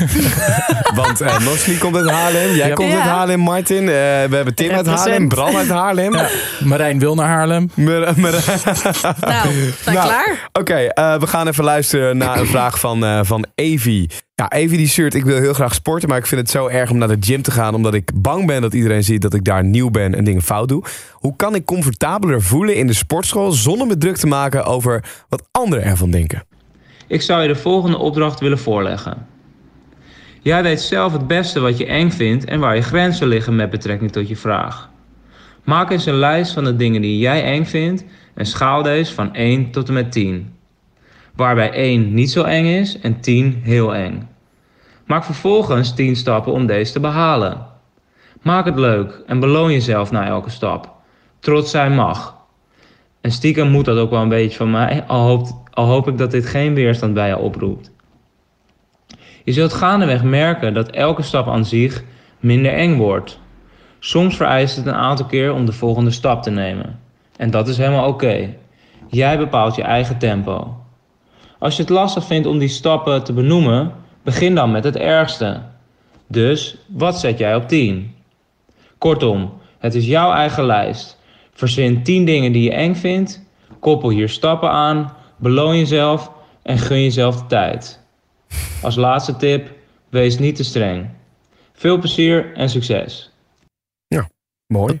Het, het klopt wel een beetje met mijn introductie van Tim, denk ik. Hè? Dat hij gewoon dingen heel logisch op een plannetje zet. Nu ook, je vindt iets eng, wat ga je doen? Je gaat er gewoon tien dingen opschrijven die je eng vindt. En dan ben je eigenlijk al bezig met het aan het oplossen. Ja, dat is toch waanzinnig. Ja, maar toch, ik vind het misschien heel stom om te zeggen dit, maar ik ben het er niet helemaal mee eens. Oké. Ja, dat mag. Ehm, Ja, nee, sorry, ja, ik dat is vind stom om leuk. te zeggen, maar Ja, om, ik vond hem toch nog een beetje zweverig. Zo van ja, wat vind je eng? Mhm. Maak de stappen. Ja, maar wat zijn de stappen dan? En wat moet ik dan in godsnaam doen? Als Ja. ik dit hoor, dan als ik dat op mezelf plaats, dan zou ik alsnog niet weten waar ik dan moet beginnen. Wat, wat, wat zou jij dan eh, adviseren? Nou ja, het, hetgeen wat ik altijd zeg, en wat ik zeg, het is mijn mening, is hoeft niet voor iedereen te gelden. Ehm, wat voor mij heel erg heeft gewerkt, is beginnen thuis. In je woonkamer. Want niemand ziet jou. Misschien je kat. Buurman is er niet. Eh, misschien die enge, ge- weet ik veel, gespierde vent bij de benchpress of zo is er niet. Niemand die ziet jou. Dus op het moment dat jij gewoon begint in je eigen omgeving en daar eerst een soort van vertrouwen in opbouwt, ook in de oefeningen die je doet, heb jij straks veel meer eh, zelfvertrouwen om überhaupt die voet in die gym te zetten. Want het is gewoon doodeng. Weet je, laten we wel zijn. Iedereen vindt dat eng. Of je nou man, vrouw bent, oud, jong. Iets nieuws is eng. Ehm, dus mijn advies zou vooral zijn: zoek een keertje home workouts op op YouTube. Of eh, gebruik mijn app. Bijvoorbeeld, wat jij ook zei, ik heb nu mijn eigen workout app. En dat zijn hebben, ja. eh, allemaal home workouts.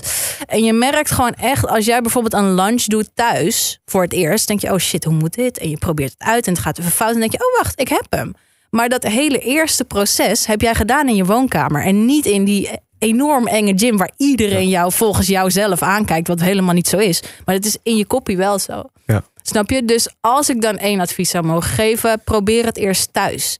Weet je, bouw je kracht eerst daarop. Want gewoon met je lichaamsgewicht is al enorm zwaar. Helemaal als je net begint. En kijk dan een keer na misschien vier weken van... oké, weet je wat? Ik ben er klaar voor. Ik heb die, die, die oefeningen gedaan. Ik ga dezelfde oefeningen doen met gewicht. Weet je, zoiets simpels is al zo'n eh, makkelijke stap eigenlijk... naar gewoon meer zelfvertrouwen. En Ja. het gewoon doen. Hoe kunnen we die app vinden, Nosli? Voor jou? Eh, als je voor iOS en eh, Android hebben ze ze dus allebei. En als je zoekt op Fitplan, dubbele punt, Train with Athletes, heb je Fitplan heet het. En eh, daarin kan je mijn eigen workouts vinden. Heel simpel. Tof. Ja, en dat kun je dus gewoon lekker thuis doen eigenlijk. Ja, elke, eh, eh, laten we zo zeggen, mijn workout plan heeft zeg maar een zeven dagen ehm, ja, free trial noemen ze dat. Dus je mag het gewoon gratis uitproberen, kijken of het wat voor je is. En eh, daarna is het eigenlijk een soort van Netflix eh, subscription, alleen dan anders. Je betaalt, nou ik denk misschien 8 euro per maand of zo. En dan heb je volledig toegang tot al mijn workouts. En dan gaan we gewoon vijf dagen in de week beginnen thuis. Met alle workouts eh, die ik zeg maar zelf ook gebruikte. Ik heb zelf ontwikkeld. En ehm, ja, dan bouw je dus echt gewoon zelf zelfvertrouwen op. Voordat je naar de gym gaat. En dat is gewoon super tof. Vet. Echt heel tof. Ja. Klinkt alsof eh Evie twee goede opties heeft. Ik denk het wel. Ja. Dat denk ik zeker. ja. Ik snap Tim wel, want Ja. ik heb ooit een eh, boekje gemaakt. eh, tenminste, in een boekje opgeschreven. Mhm. eh, dingen die, eh, waar ik zeg maar van wakker lag. Ja. Dus eh, studieschuld of eh, dat ik nog geen vast contract had toen. Of gewoon, ik heb een heel lijstje gemaakt van dingen die me stress opleverden. En wat er dan gebeurt, is ineens heb je een soort overzicht. En je kan Dat ook gewoon waar, ja. je vijanden zeg maar afkruisen. Dus op een gegeven moment had ik dat contract binnen. Bam, weggevinkt. Eh, studieschuld ga je aanwerken. Kun je ook afvinken.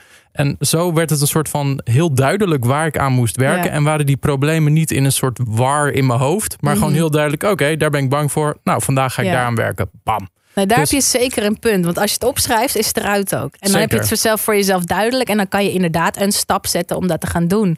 Eh, maar dat voorbeeld van jou vind ik wat relevanter, zeg maar, dan hoe het Eens. net een beetje uitgelegd werd. Eens. Sorry. Snap ik. Ben ik het ook wel mee eens, ja. Eh, laten we even nog een Bram-vraag erbij pakken. Die werd gesteld door Frank. Hoeveel gewicht je moet pakken en hoeveel reps je moet maken, ligt echt volledig aan je doelstelling. Alleen techniek is wel het allerbelangrijkste. Dus als het gewicht te zwaar is, waardoor je techniek breekt, moet je lichter gewicht pakken. Over het algemeen eh, gesproken over herhalingen. Alles onder de 6 herhalingen zorgt vooral voor kracht. Alles tussen de 8 en 12 herhalingen zorgt vooral voor spiermassa. En alles boven de 12 herhalingen zorgt voor meer uithoudingsvermogen.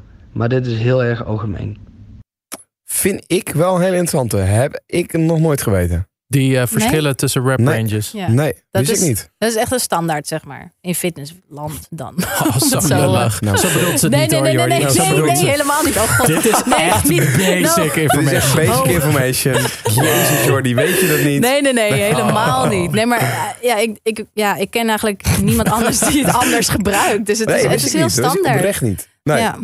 Nou ja, het, het, het is best wel duidelijk als je het maar, zo ik, hoort. maar ik wist ook niet dat dan. eh, Zit er dan dus verschil in tussen de kracht die je hebt en, en, en hoe groot de spierballen zijn? Dus dat eh, met een grotere spierbal je niet per se meer kracht hebt, bij wijze van. Klopt. Ja, Ja, een bodybuilder kan minder sterk zijn dan een powerlifter. Ja. Ehm, dus ja, in principe kan je spier die lading beter aan, maar dat volume staat niet gelijk aan kracht. Dus ja, het, Dit heb ik echt oprecht nog nooit geweten. nou ja, het hangt er heel erg vanaf hoe jij traint. Ehm, ik bijvoorbeeld, als ik het even voor mezelf betrek, ik doe alleen maar krachttraining. Ik ben enorm sterk, ook wel. Maar je moet mij geen eh, 150 kilo laten nou ja, squatten of zo. Ik kan dat niet. Nee. Weet je, ik train echt puur en alleen voor eigenlijk gewoon de mooie spieren, om het zo even te zeggen. Je gezond voelen, je goed voelen, lekker voelen, lekker in je vel zitten. En eh, je ziet er gewoon goed uit. Ja. Maar als ik zou moeten trainen voor uithoudingsvermogen, als je mij nu een kilometer laat rennen, laat rennen ben ik echt plat hoor daarna. Dan Ja. kan ik niet meer. Dan ben ik gewoon buiten adem. Terwijl jij misschien, als je daarvoor traint, heel erg goed in bent. Weet je, dus het hangt er heel erg vanaf waarvoor je traint. En dat zijn echt aparte, ja, hoe zeg je dat? soort van levels of zo. ik, Mhm. ik weet niet hoe, ik- helemaal hoe ik dat moet zeggen. Maar ehm, je spier ja. past zich er ook op aan. Dus Ja, ehm, klopt. kijk, ik heb enorme spieren. Ik ben dus spiertechnisch best wel fit. Maar ook ik kan dus niet heel ver rennen. Maar ik ben echt wel fit. Ja. Maar ik heb wel hele sterke spieren. Dus ik kan 200 kilo eh, squatten. Maar ja, eh, als ik 10 keer moet touwtjes springen, ben ik al best wel moe. ja. Dus ja, eh, ken je krachten en weet waar je ze op in kan zetten. Maar baal er ook weer niet te veel van dat je niet Nee. alles kunt. Stel je kunt niet zo heel goed sprinten. Nou kijk wat je wel kan. Misschien ben je super sterk. En andersom. ja. Dus niet per se jezelf afkaffen dat je iets niet kan. nee. Ja. Focus je vooral op je specialiteit, zou ik zeggen. Goeie. Hey, eh, we gaan even naar de Dr. Ludidi, onze voedingsdeskundige. Wat hebben ze fijne accenten, hè, al die mannen. Ja, ja dat, is, dat is oprecht wel waar trouwens. Oh. Ja. Nou, laten we even luisteren. Ja, dan is er de vraag van Huub. Die vraagt hoeveel eiwitten moet je per dag eten om het beste spieren op te bouwen. Er zijn eigenlijk drie eh, aspecten die hier een belangrijke rol spelen. Namelijk dat is eh, één, de trainingsprikkel. Die moet je natuurlijk wel in staat stellen om eh, spieren aan te maken. Dus zorg ervoor dat je een eh, trainingsprogramma hebt dat, eh, ja, dat, dat leidt tot spierhypertrofie. Tweede is je trainingstoestand of trainingservaring. Naarmate je meer trainingservaring hebt, eh, je lijf getrainder is, is het beter in staat om eiwitten op te nemen uit de voeding. Dus dan kun je met minder eiwitten toe. En het derde aspect is inderdaad de daadwerkelijke hoeveelheid eiwitten uit de voeding. Eh, vanuit de wetenschappelijke literatuur weten we dat dat ongeveer anderhalf gram gemiddeld per, ehm, per kilogram lichaamsgewicht per dag is. Maar je kunt je voorstellen dat, eh, even puur vanuit een fitnessperspectief redenerend, mensen trainen vaak bijvoorbeeld borst en biceps, rug en triceps. Eh, maar je kunt je voorstellen als je een, een, een, een, een, een full body workout hebt gedaan, eh, hypertrofie, dat het dan wel verstandig is om die anderhalf ietsje op te hogen. Want ja goed, je hebt gewoon meer, eh, meer eiwitten aangesproken tijdens, tijdens je training in je spieren. Dus laat vooral ook de trainingsintensiteit en de hoeveelheid eh, spiergroepen die je hebt aangesproken daarin eh, in meespelen. Gaan de basis uit van anderhalve gram per kilogram lichaamsgewicht per dag. Ook weer, eh, weer Ja. waardevol, denk Ja. ik. We hebben toen met Marijn erover gehad dat, dat eh, 1.8 een beetje de soort sporterstandaard is. Dus Ja. dat is ook een beetje wat hij zegt. Inderdaad, dus als je je hele lichaam traint, is qua eiwitopname en ver- zeg maar je, je benodigde eh, hoeveelheid voor die dag verandert dus ook ten opzichte van dat je alleen biceps traint bijvoorbeeld. Dus ehm, ja, ik zou zeggen, hou gewoon een standaard aan. Dat is veel makkelijker dan te kijken, oh, heb ik vandaag mijn benen of mijn biceps Ja, Hou gewoon één waarde aan. Kijk of dat werkt. Werkt het niet, schroef je het omhoog of Ja. omlaag. Dat is veel makkelijker. Denk ik ook. Niks Maar- aan toe te voegen eigenlijk. Maak jij, eh eh, Nosli, gebruik Ja. van eh, supplementen? Daar hebben we het ook veel in gehad. Eigenlijk zeggen alle mensen die we uit gast hebben gehad eh, op Marijn na... supplementen zijn niet per se nodig in de, in de eerste jaren dat je aan het sporten bent. Maar ik weet niet hoe jij er tegenaan kijkt. Ehm, Dit Nou, dat ze is de- framing hè, in vragen. Dus gewoon sturen. ja, nou ja, ik zeg altijd: supplementen zijn niet per se nodig om je doelen te behalen. Dat is eigenlijk mijn standaard antwoord daarop. Ik gebruik ze wel en dat maakt mijn leven eh, heel wat makkelijker. Wat gebruik je? Eh, proteïnepoeder bijvoorbeeld. Eh, ik ben heel vaak heel erg druk overdag. En als ik dan een maaltijd niet bij me heb, maar wel even een shake kan nemen, omdat ik mijn proteïne eh, doel moet halen, dan Ja. doe ik dat liever dan dat ik even een stuk eh, kip naar binnen zit te werken in de auto of zo. Weet je? Dus het is Mhm. ook gemak vooral. Ehm, ja, daar gaat het met proteïnepoeder natuurlijk over. Dan gebruik ik zelf creatine, 5 gram eh, per dag. En dat is gewoon een standaard puur en alleen om het aan te vullen, omdat ik waarschijnlijk niet aan de waardes kom uit mijn eten. Ehm, dus dat is ook gewoon weer een gemaksdingetje. Want je gaat niet heel veel van iets eten om alleen maar die creatine binnen te krijgen. Of in ieder geval dat, dat te produceren zelf. Eh, en dan nog gewoon de vitamines die ik erbij slik, zeg maar. En ehm, als ik eh, luister en niet precies weet wat creatine is. God, oh jee, mag daar vraag je wat? Ehm, ja, dat is een hele goede vraag. Ik weet niet zo goed hoe ik dat moet uitleggen in wetenschappelijke taal. Nou, het is geluk dat Martijn, Martin het Ja. wel weet. Gewoon mijn eigen vragen aan het Ja. bedenken. Ehm, waar het eigenlijk op neerkomt is dat je ehm, meer ehm, energie in je spieren kan krijgen. Dus je, je, je krijgt meer glycogeen in je spieren. Je kunt dus meer vocht opslaan in je spieren. Want glycogeen trekt vocht aan. En daardoor kun je dus het langer volhouden tijdens je reps. En dus ook, eh, je, je hebt ook een iets vollere spier. Dus omdat je langer kunt trainen en langer vol kunt houden, kun je dus ook meer kapot maken als het ware. Eh, waardoor je eigenlijk Kapot ja, maken. zwaarder kunt trainen en sneller progressie maakt. Maar je Ja. herstelt dus ook ietsje sneller. Dus dat Oh. zijn een beetje de, voordelen ervan. Maar oké, ja, ik ben met fase 2 bezig. Ik ben bezig met die shoot. Ja. Moet ik het gebruiken? Eh, ehm, nou, stel je voor je loopt vast. Stel, jij wil bankdrukken en je komt niet verder dan 70. Dan zou je een keer kunnen proberen. Nou, ik ga eens drie maanden lang creatine gebruiken. Heeft nul schadelijke gevolgen. Is super Ja. goedkoop ook. Kijk, wie weet brengt het je 5% hoger. Kom je door die barrière, stop je er weer mee. Heb je die kracht nog steeds behouden. Dus waar bijvoorbeeld mensen die anabolen gebruiken en ermee stoppen. Die zijn meteen alles kwijt. Maar wat je hebt opgebouwd met creatine bewaar je nog Ja. wel qua kracht. Maar laten Dus- we dan wel gelijk zeggen dat het gebruik van supplementen is, betekent niet dat je niet natuurlijk bent. Dat Nee. krijg ik namelijk heel vaak. Dat zie ik over heel veel social media verspreid, vooral van mannen natuurlijk. Mhm. Ja, maar je gebruikt supplementen, dus je bent niet natuurlijk. Ja. Dat is totaal andere wereld. Ja. En in Totaal. je, als je een biefstukje eet, krijg je ook creatine binnen. Dus Ja. dit is in, aan zich geen wonderproduct. Nee. Ehm, maar eh, ja, het kan bijdragen op het moment dat je al best wel hoog niveau zit. Om die extra reps, om extra puntjes op de i. Ja. Maar als je net begint of een jaar bezig bent, dan zou ik zeggen, nou blijf er lekker vandaan. Hou je geld, geef het uit aan leuke dingen. Duidelijk. Klopt. Zullen we er nog weer even een, eh, een vraag eh, bijpakken? En eh, die gaat over ja, de grootste dieetfout. En dan is er een vraag van Willy en die vraagt: wat is de grootste dieetfout? Ehm, ja, dat is een leuke. De grootste dieetfout is kort gezegd niet te eten of weinig te eten. En dat zie ik heel vaak in mijn praktijk ook. Mensen die eh, willen afvallen en dan overstappen op een dieet dat bestaat uit crackers met kipfilet of eh, simpele salades met eh, alleen maar sla, tomaat en komkommer. Door te weinig te eten raakt het lichaam uiteindelijk in de spaarstand. En wat er dan gebeurt, is dan zal het lichaam alles wat er aan energie binnenkomt eh, vasthouden. Of in ieder geval een groot deel daarvan vasthouden. Omdat het zich voorbereidt op weer mogelijk een periode dat te weinig energie binnen eh, het lijf binnenkomt. Dus als je wilt afvallen, bezuinig absoluut niet op je energieinname. En zorg er vooral ook voor eh, dat het eh, ja, gevarieerd is. eh, dat je veel groente en fruit binnen, binnenkrijgt. Maar ook voldoende eiwitten en vetten. Want dat zijn uiteindelijk de bouwstenen van je lijf. Goed antwoord. Ja. Komen we weer terug op meer eten. Sorry Jordi. Maar ik kan stiekem ook niet wachten over vanavond. Dus Maar het is ook wel weer verwarrend, hè? Want stel je luistert dit en je hebt in al onze afleveringen gehoord.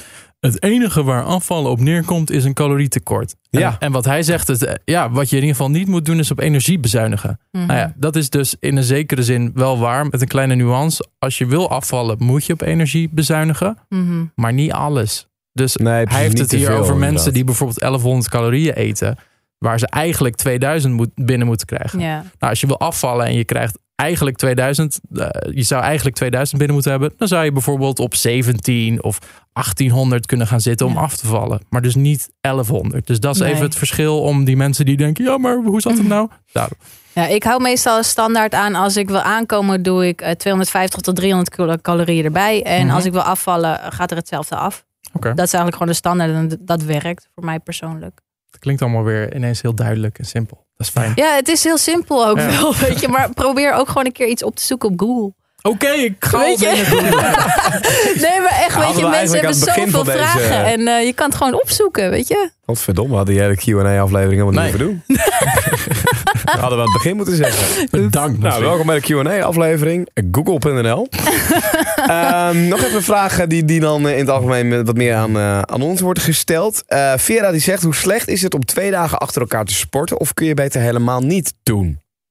Oh, Nou ja, ik, als ik ernaar kijk, denk ik dat is totaal niet slecht. Tenminste, ik heb het eh, zo, vaak, eh, zo vaak gedaan. En volgens mij ligt het er gewoon een beetje aan wat je dan precies doet. ik denk dat het pas eh, slecht wordt als je echt gewoon tien dagen achter elkaar alleen maar sport, sport, sport, sport, sport en geen rust neemt. That's it. Ik bedoel, ja, iedereen sport wel eens twee dagen achter elkaar, toch? Ja. Best wel normaal, denk ja, ik. nee, ik sport wel eens drie, eh, ik sport wel eens ja, drie soms wel vier dagen, ja. vijf dagen. Hardcore. Ja, Ja, Vera, het, eh, ik, ik snap de vraag wel. En eh, ik zou in ieder geval zeggen, train niet twee dagen achter elkaar. Stel je doet full body, want dat doen heel veel vrouwen. eh, en nu heel veel sporters algemeen. Ehm doe je niet twee allemaal over één dagen. kam, hè? Ja, dat is heel makkelijk. Sorry, dat moet ik niet meer doen. Dat doen heel veel vrouwen, hè? Eh, train niet twee dagen achter elkaar full body eh, en dan dezelfde oefeningen weer. Dus ehm, sowieso met full body kun je beter bijvoorbeeld drie keer in de week en dan met een dag ertussen. Dat is al veel veiliger. Eh, dan heb je in ieder geval niet dat risico dat je een spier aan het overtrainen bent terwijl die Mhm. nog niet is. Nee. En anders, stel je wil wel full body, nou dan pas je het gewoon een beetje aan. Maar dat je niet elke keer hetzelfde aan het doen bent. Dan zit je safe. En als je wakker wordt en denkt, oh ik ben moe en mijn lichaam voelt rot. Nou dan ga je die dag niet trainen. Nee. Skip je een dag. Ehm, Tim heeft ook wel een interessante vraag. Ehm, hoeveel uur sport je in de week? En ik denk dat Tim het dan ook een beetje heeft met, met hoe lang duurt de gemiddelde workout een beetje. Want nou, ik zeg net vier keer, vijf keer in de week nu. Uh, Norsli, jij zegt, jij zei vijf keer ook vijf workouts in, eh, Ja. in de week. Meestal wel, ja, als ik het red. Maar ja, dat, dat verschilt natuurlijk heel erg of dat vijf workouts zijn van anderhalf uur. Of dat dat korter is of zo. Hoe zit dat bij jou? Ja, ik weet niet. Wat ik zei, mijn gemiddelde workout is twee uur. Twee en dat uur. is dan plus warming-up en stretching en uitgebreid stretchen, wat jij ook zei Mhm. eh, natuurlijk. Maar ik denk niet echt dat daar een standaard voor is. Nee. Ik ken ook genoeg vrouwen die echt super fit zijn. En die gaan maar drie keer in de week naar de sportschool. En die doen ook gewoon anderhalf uur en that's it. En, en Martin? Ja, ik probeer hem zelf meestal onder het uur te houden. En met powerliften lukt dat niet. Maar liefst onder het uur en dan ja, vijf à zes keer in de week. En dat is dus buiten het powerliften om. Want nu is het vier keer in de week en dan ben je dus best wel lang bezig. Maar Mhm. dat is twaalf weken en daarna ga ik gewoon weer knallen op mijn oude Komt stijl. natuurlijk ook omdat je zes minuten, ik hoorde zes minuten rust. Of is dat langer nog tussen die... eh, Zo. Ja, op dit gewicht, eh, stel je moet eh, 230 eh, keer 3 keer 3. Dan neem je dus tussen die sets keer 3 keer 3. Dan neem je dus 8 minuten rust ongeveer. En die heb je ook echt wel nodig. Want je hele lichaam die is een soort kerstboom die oplicht van binnen. zenuwstelsel die is een soort... En, ehm, en de- jij hebt mij eh, ooit tijdens een workout die we met z'n tweeën hebben gedaan. We zijn al twee keer samen naar de sportschool geweest, Martin. Ja. Onze band versterkt met de dag. Eh, eh, heb jij mij twee minuten aangehouden? Is dat een beetje algemeen? Twee Ja, minuten tussen de reps? eigenlijk of, tussen, voor- niet tussen de reps, tussen de setjes. Ja, voor gewoon normale spiergroei. En als je ook een beetje op volume en kracht wil trainen, zou ik zeggen, nou doe ongeveer anderhalve minuut en dan zit je goed. Net iets erboven is altijd prima. En echt, als je langer rust gaat nemen, dan ja, train je vaak ook met minder, eh, m- minder reps. Dus bijvoorbeeld vijf reps van heel zwaar in plaats van twaalf reps met wat lichter. Ja. Ja, duidelijk. Ehm, zullen we nog een vraag van eh Ludidi erin gooien? Van eh Joffrey kwam die binnen. Nou, Joffrey die zegt: Mijn wekelijkse hoeveelheid sporten varieert tussen de 11 en 14 trainingen per week. Afhankelijk daarvan gooi ik mijn calorieinname omhoog of omlaag. Is dat goed of is een stabiele inname beter? Nee, Joffrey, ehm, ik denk dat het heel goed is. Ik denk dat het heel goed is om je energieinname af te stemmen op je trainingsarbeid, op je verrichte fysieke inspanning. Het is namelijk veel lastiger om wanneer je gegeten hebt, daar je inspanningsniveau op aan te, aan te passen dan andersom. Je verricht arbeid en nagelang de intensiteit van je arbeid en de tijd enzovoorts, moet je je lichaam opnieuw voeden om te kunnen herstellen daarvoor. Het werkt zo om, maar niet andersom. Ja, ik eh, dacht eerst dat er een typfout was gemaakt in die vraag. Twaalf trainingen per week.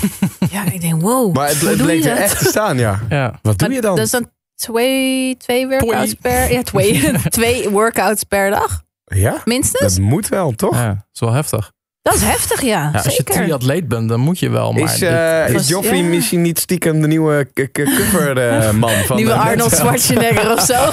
Hij heeft wel ambitie. En ja, respect eh, voor jou sowieso dat je dat doet. En eh, ja, zorg dan wel inderdaad dat je niet te zuinig eet. Want eh, Ja. dat nou, als je zes keer traint, dan moet je al best wel veel eten. Maar twee keer per dag, dan, nou, dan moet je tussendoor echt wel schranzen. Dus Ja. eh, niet bezuinigen, man. Eh, eet, Nee. Probeer zo gezond mogelijk te eten. Maar eh, wees ook niet bang om er af en toe net wat eh, een soort tikkeltje ongezonder. om net even die calorieën wat hoger Nee, te krijgen. Dan weet je zelfs. zeker dat je in ieder geval safe zit. Want ja. eh, als je je, verbrandt het sowieso. bent, dan moet je 12 echt keer. eh 6000 Jezus. calorieën per dag Ja. eten. Nou, die traint volgens mij minder dan 12 keer per week. Ik wil, ik wil trouwens ook nog even een tip geven. Ehm, kijk, het gaat heel erg op sponsoring lijken, wat het absoluut niet is. Oh. Mag altijd wel, dus bel me vooral als je het hoort. Maar Dan ben wel benieuwd. ehm, je hebt natuurlijk altijd heel veel pre-workouts en zo. Hè? En ik heb dat persoonlijk heb ik dat nog nooit gebruikt.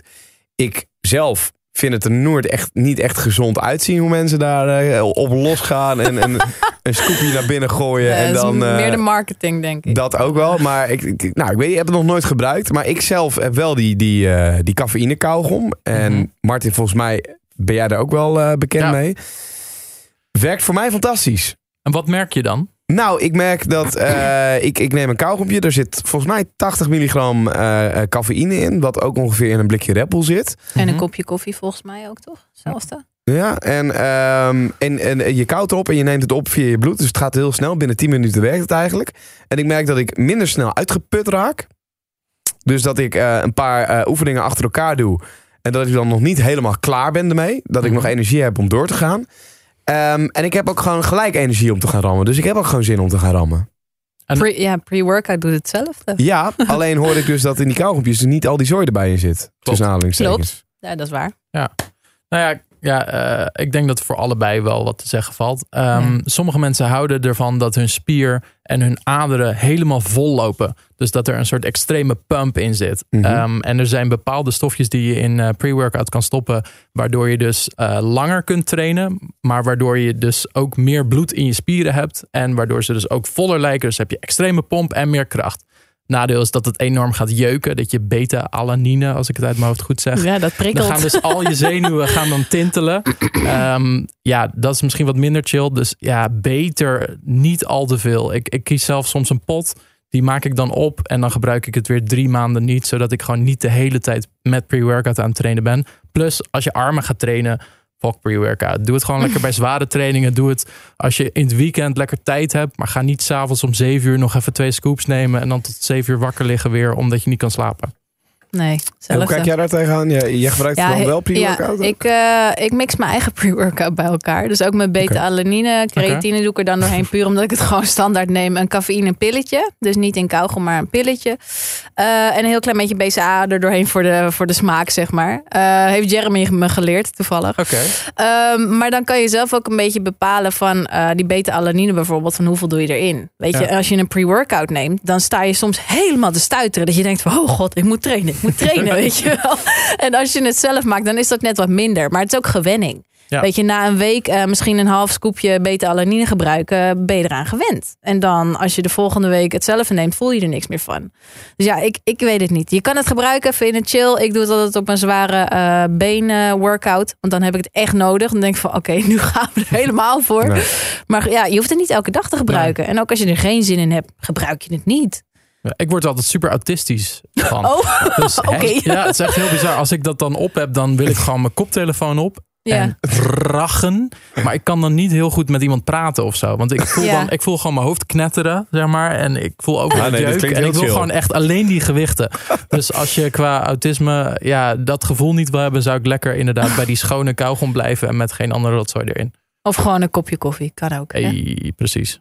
Hey, absoluut. Ehm, we gaan nog even weer naar een eh, vraagje van, eh, voor Bram.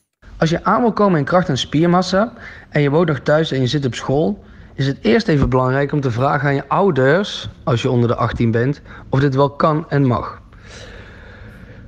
Verder is het vooral Disclaimer. voorbereiding. Je moet zorgen dat je genoeg eiwitten binnenkrijgt om die spiermassa aan te maken. En je moet zoveel mogelijk calorieën binnenkrijgen om je doel te behalen. Dus als je goed voorbereid je week in gaat, dus je zorgt voor eten en je zorgt dat je altijd eten bij je hebt, Dan moet het gaan lukken. Maar je zal wel echt zelf dingen moeten kunnen voorbereiden. Want je zal niet aan je ouders kunnen vragen of ze elke keer eten voor je maken. Ja, de, de vraag was van iemand, uh, ja, die woonde dus thuis en, en die zei, ja, hierdoor wordt het heel moeilijk. Uh, zei die eigenlijk al in zijn vraag uh, die hij stuurde. Ja, ik denk dat dat gewoon nog steeds een keuze is. Je kan natuurlijk best thuis vragen, hey, we hebben altijd dit in huis. Kunnen we misschien een keer iets anders proberen? En, ja, een, normale ouder zal best met jou in overleg willen of we een keer kipfilet in huis kunnen halen in plaats van alleen maar pindakaas bijvoorbeeld.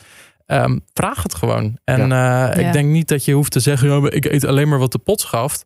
Ja, je kan ook eens een beetje sturen naar, hey, kunnen we misschien de Ja. pot iets veranderen? Um, plus, ja, weet je, anders ga je een krantenwijkje, eh, begin je een krantenwijkje, ga je gewoon zelf je geld verdienen. Als het belangrijk voor je is, dan kun je het echt wel voor elkaar krijgen. Dus het, ik snap je vraag dan, als je zegt van ja, ik woon thuis en hoe doe ik het dan? Maar um, wees ook niet bang om er gewoon zelf voor te gaan en dat argument of dat excuus een beetje los te laten.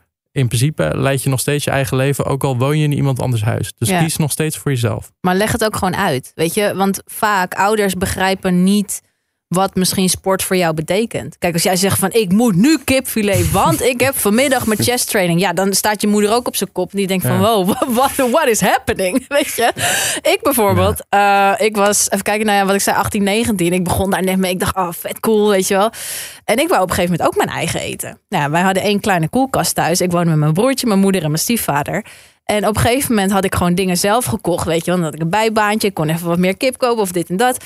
En ze werden helemaal gek van mij thuis. Dus ik zei op een gegeven moment, weet je wat? Ik wil mijn eigen koelkast. En iedereen keek me aan. Die zei van, sorry? maar ja, op Marktplaats heb ik een koelkastje gehaald van 30 euro. In de schuur gezet. En daar stonden al mijn dingen. Is misschien een beetje extreem. Maar ja, wat jij zegt, weet je. Je kan je niet laten tegenhouden. Omdat je alleen in één huis woont met andere mensen. Zolang jij gewoon jezelf uit kan leggen van... Hé hey mam, kijk, het is echt belangrijk voor me. Nou ja, dan moet dat in principe goed komen, toch? Denk Ja. ik. Dat is wel Hoop een mooi ik. voorbeeld. Ja, het is, Ja, het is heel simpel. Ik bedoel, eh, weet je, 30 euro. Probleem? Nou ja. Nee hoor, koop gewoon een fucking koelkast. Nou, dat dan ook weer niet. Maar eh, het kan heel makkelijk zijn. Ja, Niet denken in problemen, maar in oplossingen. ja inderdaad. Ben jij ook zo iemand, en dan eh, neem ik mijn- vriendin ook eens als, als voorbeeld, Ja. die eh, alles maar kan eten en er gebeurt eigenlijk niet zo heel veel. Heel snel stofwisseling. Nee, nee, nee, nee, nee. nee. Oké. Was het maar zo. Nee, echt niet. Ik eh, we hebben vooral met vetten dan ook, wat jij ook aangaf. Van het moment dat je een pizza eet bijvoorbeeld. De volgende dag ben ik één eh, bolletje water, zeg maar. Dus ik hou heel veel water vast en heel snel. Eh, en dat is heel erg persoonlijk. Dus dat heeft niet iedereen. Nee. Maar ik kan zeker niet alles eten. God, was het maar zo. Nee, ik kom heel snel aan juist. Ja. Ah, die frustratie is bij mij nog steeds niet weg hoor. Dat, dat, dat de persoon op deze aardbol rondlopen die alles kan eten. Ja, dat is een lichaamstype, hè? Ja. Dus, eh, ja. Ja, bizar. Eh, zullen we nog even een vraag erin gooien? Heb jij eh, nog eentje die toch? jij in het lijstje ziet staan, Martin? eh waarvan jij zegt van... ja, eh, ik, de Dutch Giant vond ik wel een hele Oh leuke. Ja, dat is dus- wel een hele specifieke, moet ik zeggen. Ja, we hebben twee vragen toch daarover gekregen. En dat waren, nou, vragen, ik kan ze een beetje inleiden. Volgens mij doet dat, hij dat zelf ook nog. Er is dus een, een, een, ja, een afwijking van de borst, waarbij je eigenlijk je borstbeen naar binnen staat. Oh. Ehm, en ik weet even de naam niet meer. Volgens mij komt die ook in de vraag terug. Maar de vraag was van twee verschillende mensen: wat kan ik hier aan doen? Ehm, dus eh, hierbij zijn mooie antwoord. Want de Dutch Giant, hij is dus twee Eh, meter. Jorian eh, vroeg zich dat af. Jorian. En, en nog iemand, maar die kon ik even niet terugvinden qua naam. Ehm, de Dutch Giant is dus 2 meter 18. 2 meter bizar. 18, ik herhaal het nog een keer, want het is bijna onwerkelijk. Ik voel me klein naast hem. Eh, en die heeft dat dus ook gehad. Die is ook aan geopereerd. Maar hij weet dus wel echt wat je eraan kan doen, ook zonder operatie. Dus Ja, en, Interessant. ehm, en mocht je trouwens de Dutch Giant nog willen zien en hoe dat in elkaar zit. Jullie hebben er een hele toffe docu over gemaakt op het Men's Health YouTube kanaal. Ja. Dat is ook wel even te kijken waard. Maar laten we even luisteren naar zijn antwoord. Hey, mijn naam is Olivier Richters, ook wel de Dutch Giant van Mossemy.nl. Ik ben zelf met een uh, pectus excavator geboren, waarbij je borstbeen meer naar achter ligt. En dat als gevolg heeft dat je een inkeping bij de binnenkant van je ribben ziet. Ofwel, je hebt geen rechte borstkas, maar er zit een klein deukje. Nou, ik heb de vraag gekregen of er oefeningen zijn waarmee je de borst meer naar voren kan laten groeien. Om de inkeping minder op te laten vallen. Nou, bij deze vraag vind ik het eerst belangrijk uh, dat je begrijpt hoe dikte in een spier tot stand komt. Nu is het zo dat ieder mens met een aantal spieren geboren wordt. En dat worden niet meer of minder tijdens je leven, ook niet als je krachttraining doet. Het doel is om de spieren die je hebt zo dik mogelijk te maken door middel van krachttraining en genoeg eiwitconsumptie. Nou, bij krachttraining creëer je kleine spierscheurtjes en dit geeft je lichaam signaal dat het sterker gerepareerd dient te worden dan het was. Nou, dit sterker maken van kan alleen maar als je voeding op orde is. Dus je lichaam altijd genoeg bouwstenen heeft om hem te repareren. En je de spier genoeg rust ofwel tijd geeft om hem ook daadwerkelijk sterker te laten worden. Dus ga niet te snel weer die spier slopen. Ehm, het is eigenlijk een illusie dan om te denken dat er oefeningen zijn die je borst specifiek meer naar voren laten groeien. Het is namelijk een kwestie van je borstspier dikker maken, waardoor deze naar voren komt.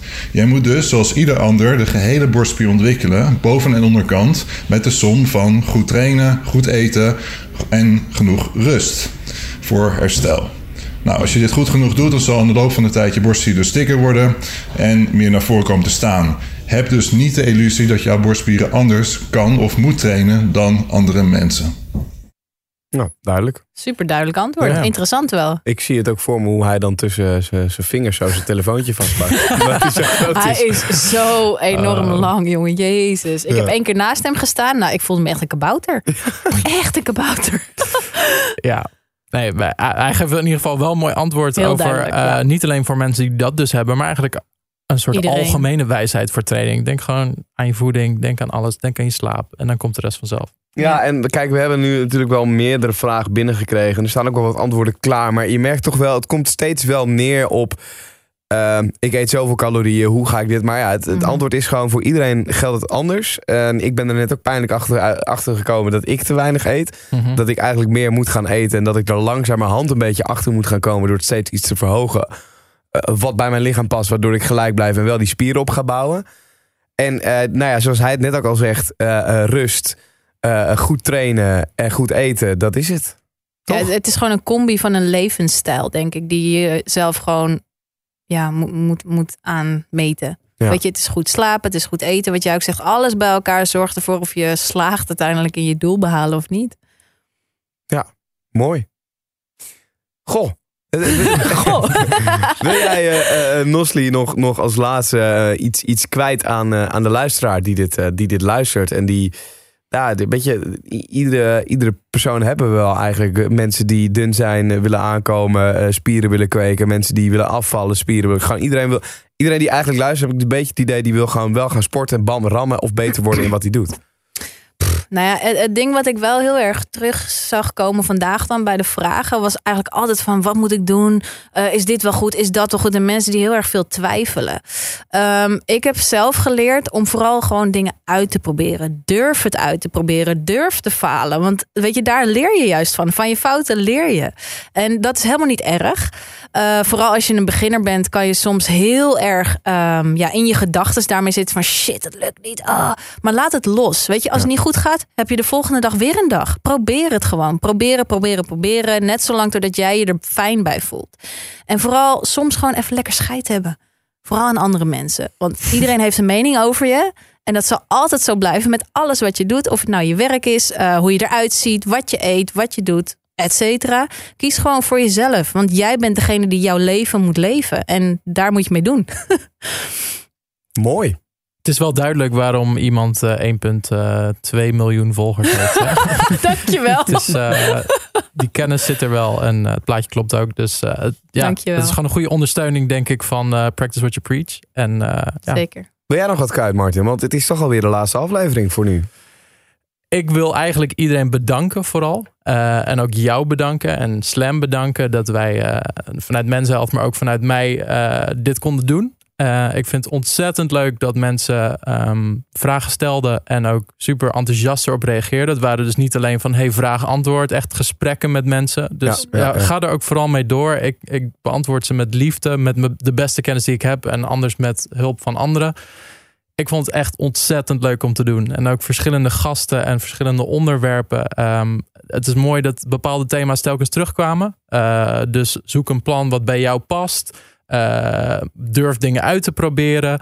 Ehm, let goed op slaap. Let goed op voeding. Echt die fundamentele dingen. Die kwamen telkens terug. Maakt niet uit wie we spraken. eh, of wat voor type persoon dat ook was. Ja, dat is eigenlijk de tip voor iedereen. Dus eh, experimenteer, kijk wat bij je past. En eh, ja, wees niet bang om het anders te doen dan anderen om je heen. Ook al zeiken ze je misschien af bij de lunch. Net als bij jou gebeurt, bij Nosli gebeurt, bij mij gebeurt. Dat gaat blijven gebeuren. Maar Ja. ja. ik zie het ook wel weer als een mooi iets. Want dat betekent dat wij het dus anders doen dan de andere. En er waarschijnlijk ook andere resultaten gaan krijgen dan anderen. Dus ja, het is best bijzonder uh, dat we dat met zoveel mensen hebben kunnen delen. Dus nogmaals bedankt naar iedereen. Ah. Ook mooi. laatste Ja. aflevering. Nou, ik ben wel vereerd hoor dat ik dan in een laatste aflevering mag. Ja, Dankjewel. joh, hier komen alle emoties bij elkaar. Ja. Ja, en ik, ik wil ook inderdaad Martin jou bedanken. Want jij bent twee keer met mij naar de sportschool eh mee geweest. En eh, uit die twee keer sporten met jou ben ik al veel wijzer geworden. Eh, ik wil Bram ook, eh, die als, als coach, als, als eh, deskundige hier in deze aflevering ook te horen is geweest, ook enorm bedanken. Die heeft jou toch wel gebeld, eh, Martin, en tegen jou gezegd: Goh, die Jordi, ik wil hem wel naar fase 2 toe, eh, toe helpen. En, en dat, dat merk ik gewoon. Ik vind het gewoon heel fijn dat, dat heel veel mensen zich persoonlijk tot ons aangetrokken voelen. Dat iedereen eh, ook deze vragen durft te stellen aan ons. Mhm. Eerlijkheid. Want eh, Ja. weet je, het is wel een drempel om overheen te gaan om met je Instagram profiel een vraag aan iemand die eigenlijk wild vreemd voor je is te stellen eh, over jouw lichamelijke doel. Vind ik heel vet. Eh, mensen die zelfs foto's van een lichaam wilden sturen. En ik weet hoe fout dit klinkt. Maar eh, mensen die dat zelfs wil- wilden doen om beter te worden en waar ze mee bezig zijn. Dat vind ik gewoon heel vet. Mensen helpt daar ook voor bedankt. Norsli bedankt voor het, af, eh, voor het aanschuiven bij deze laatste aflevering. Jij ook bedankt. Als wij een eh, seizoen 2 gaan doen, dan, eh, nou ja, dan kan ik ook niet wachten om, om eh, wellicht jou ook wel misschien wel weer uit te nodigen en erbij aan te laten schuiven. Of andere leuke personen. Dat was hem. Nou, Ja, ik ben heel bang dat we bepaalde dingen niet hebben eh, behandeld. Maar nou, we zijn anderhalf uur verder. Ik denk Ja. het wel. We hebben wel echt ons best gedaan. Ja, Eh, dat, ja. Ja, zeg maar, ik ben echt trots op het resultaat. En ik hoop dat we ja, echt heel veel mensen blij hebben kunnen maken. Met in ieder geval lekker luisterplezier en hopelijk ook mooie tips. Ja, en eh, mocht je nou tevreden zijn, dit, dit tof vinden om naar te luisteren, deel het met je vrienden, deel het naar de mensen die het nodig hebben. Laat je een recensie achter op Apple Podcasts. Dat zouden we ook tof vinden. Op Spotify, Instagram en volg Nosli.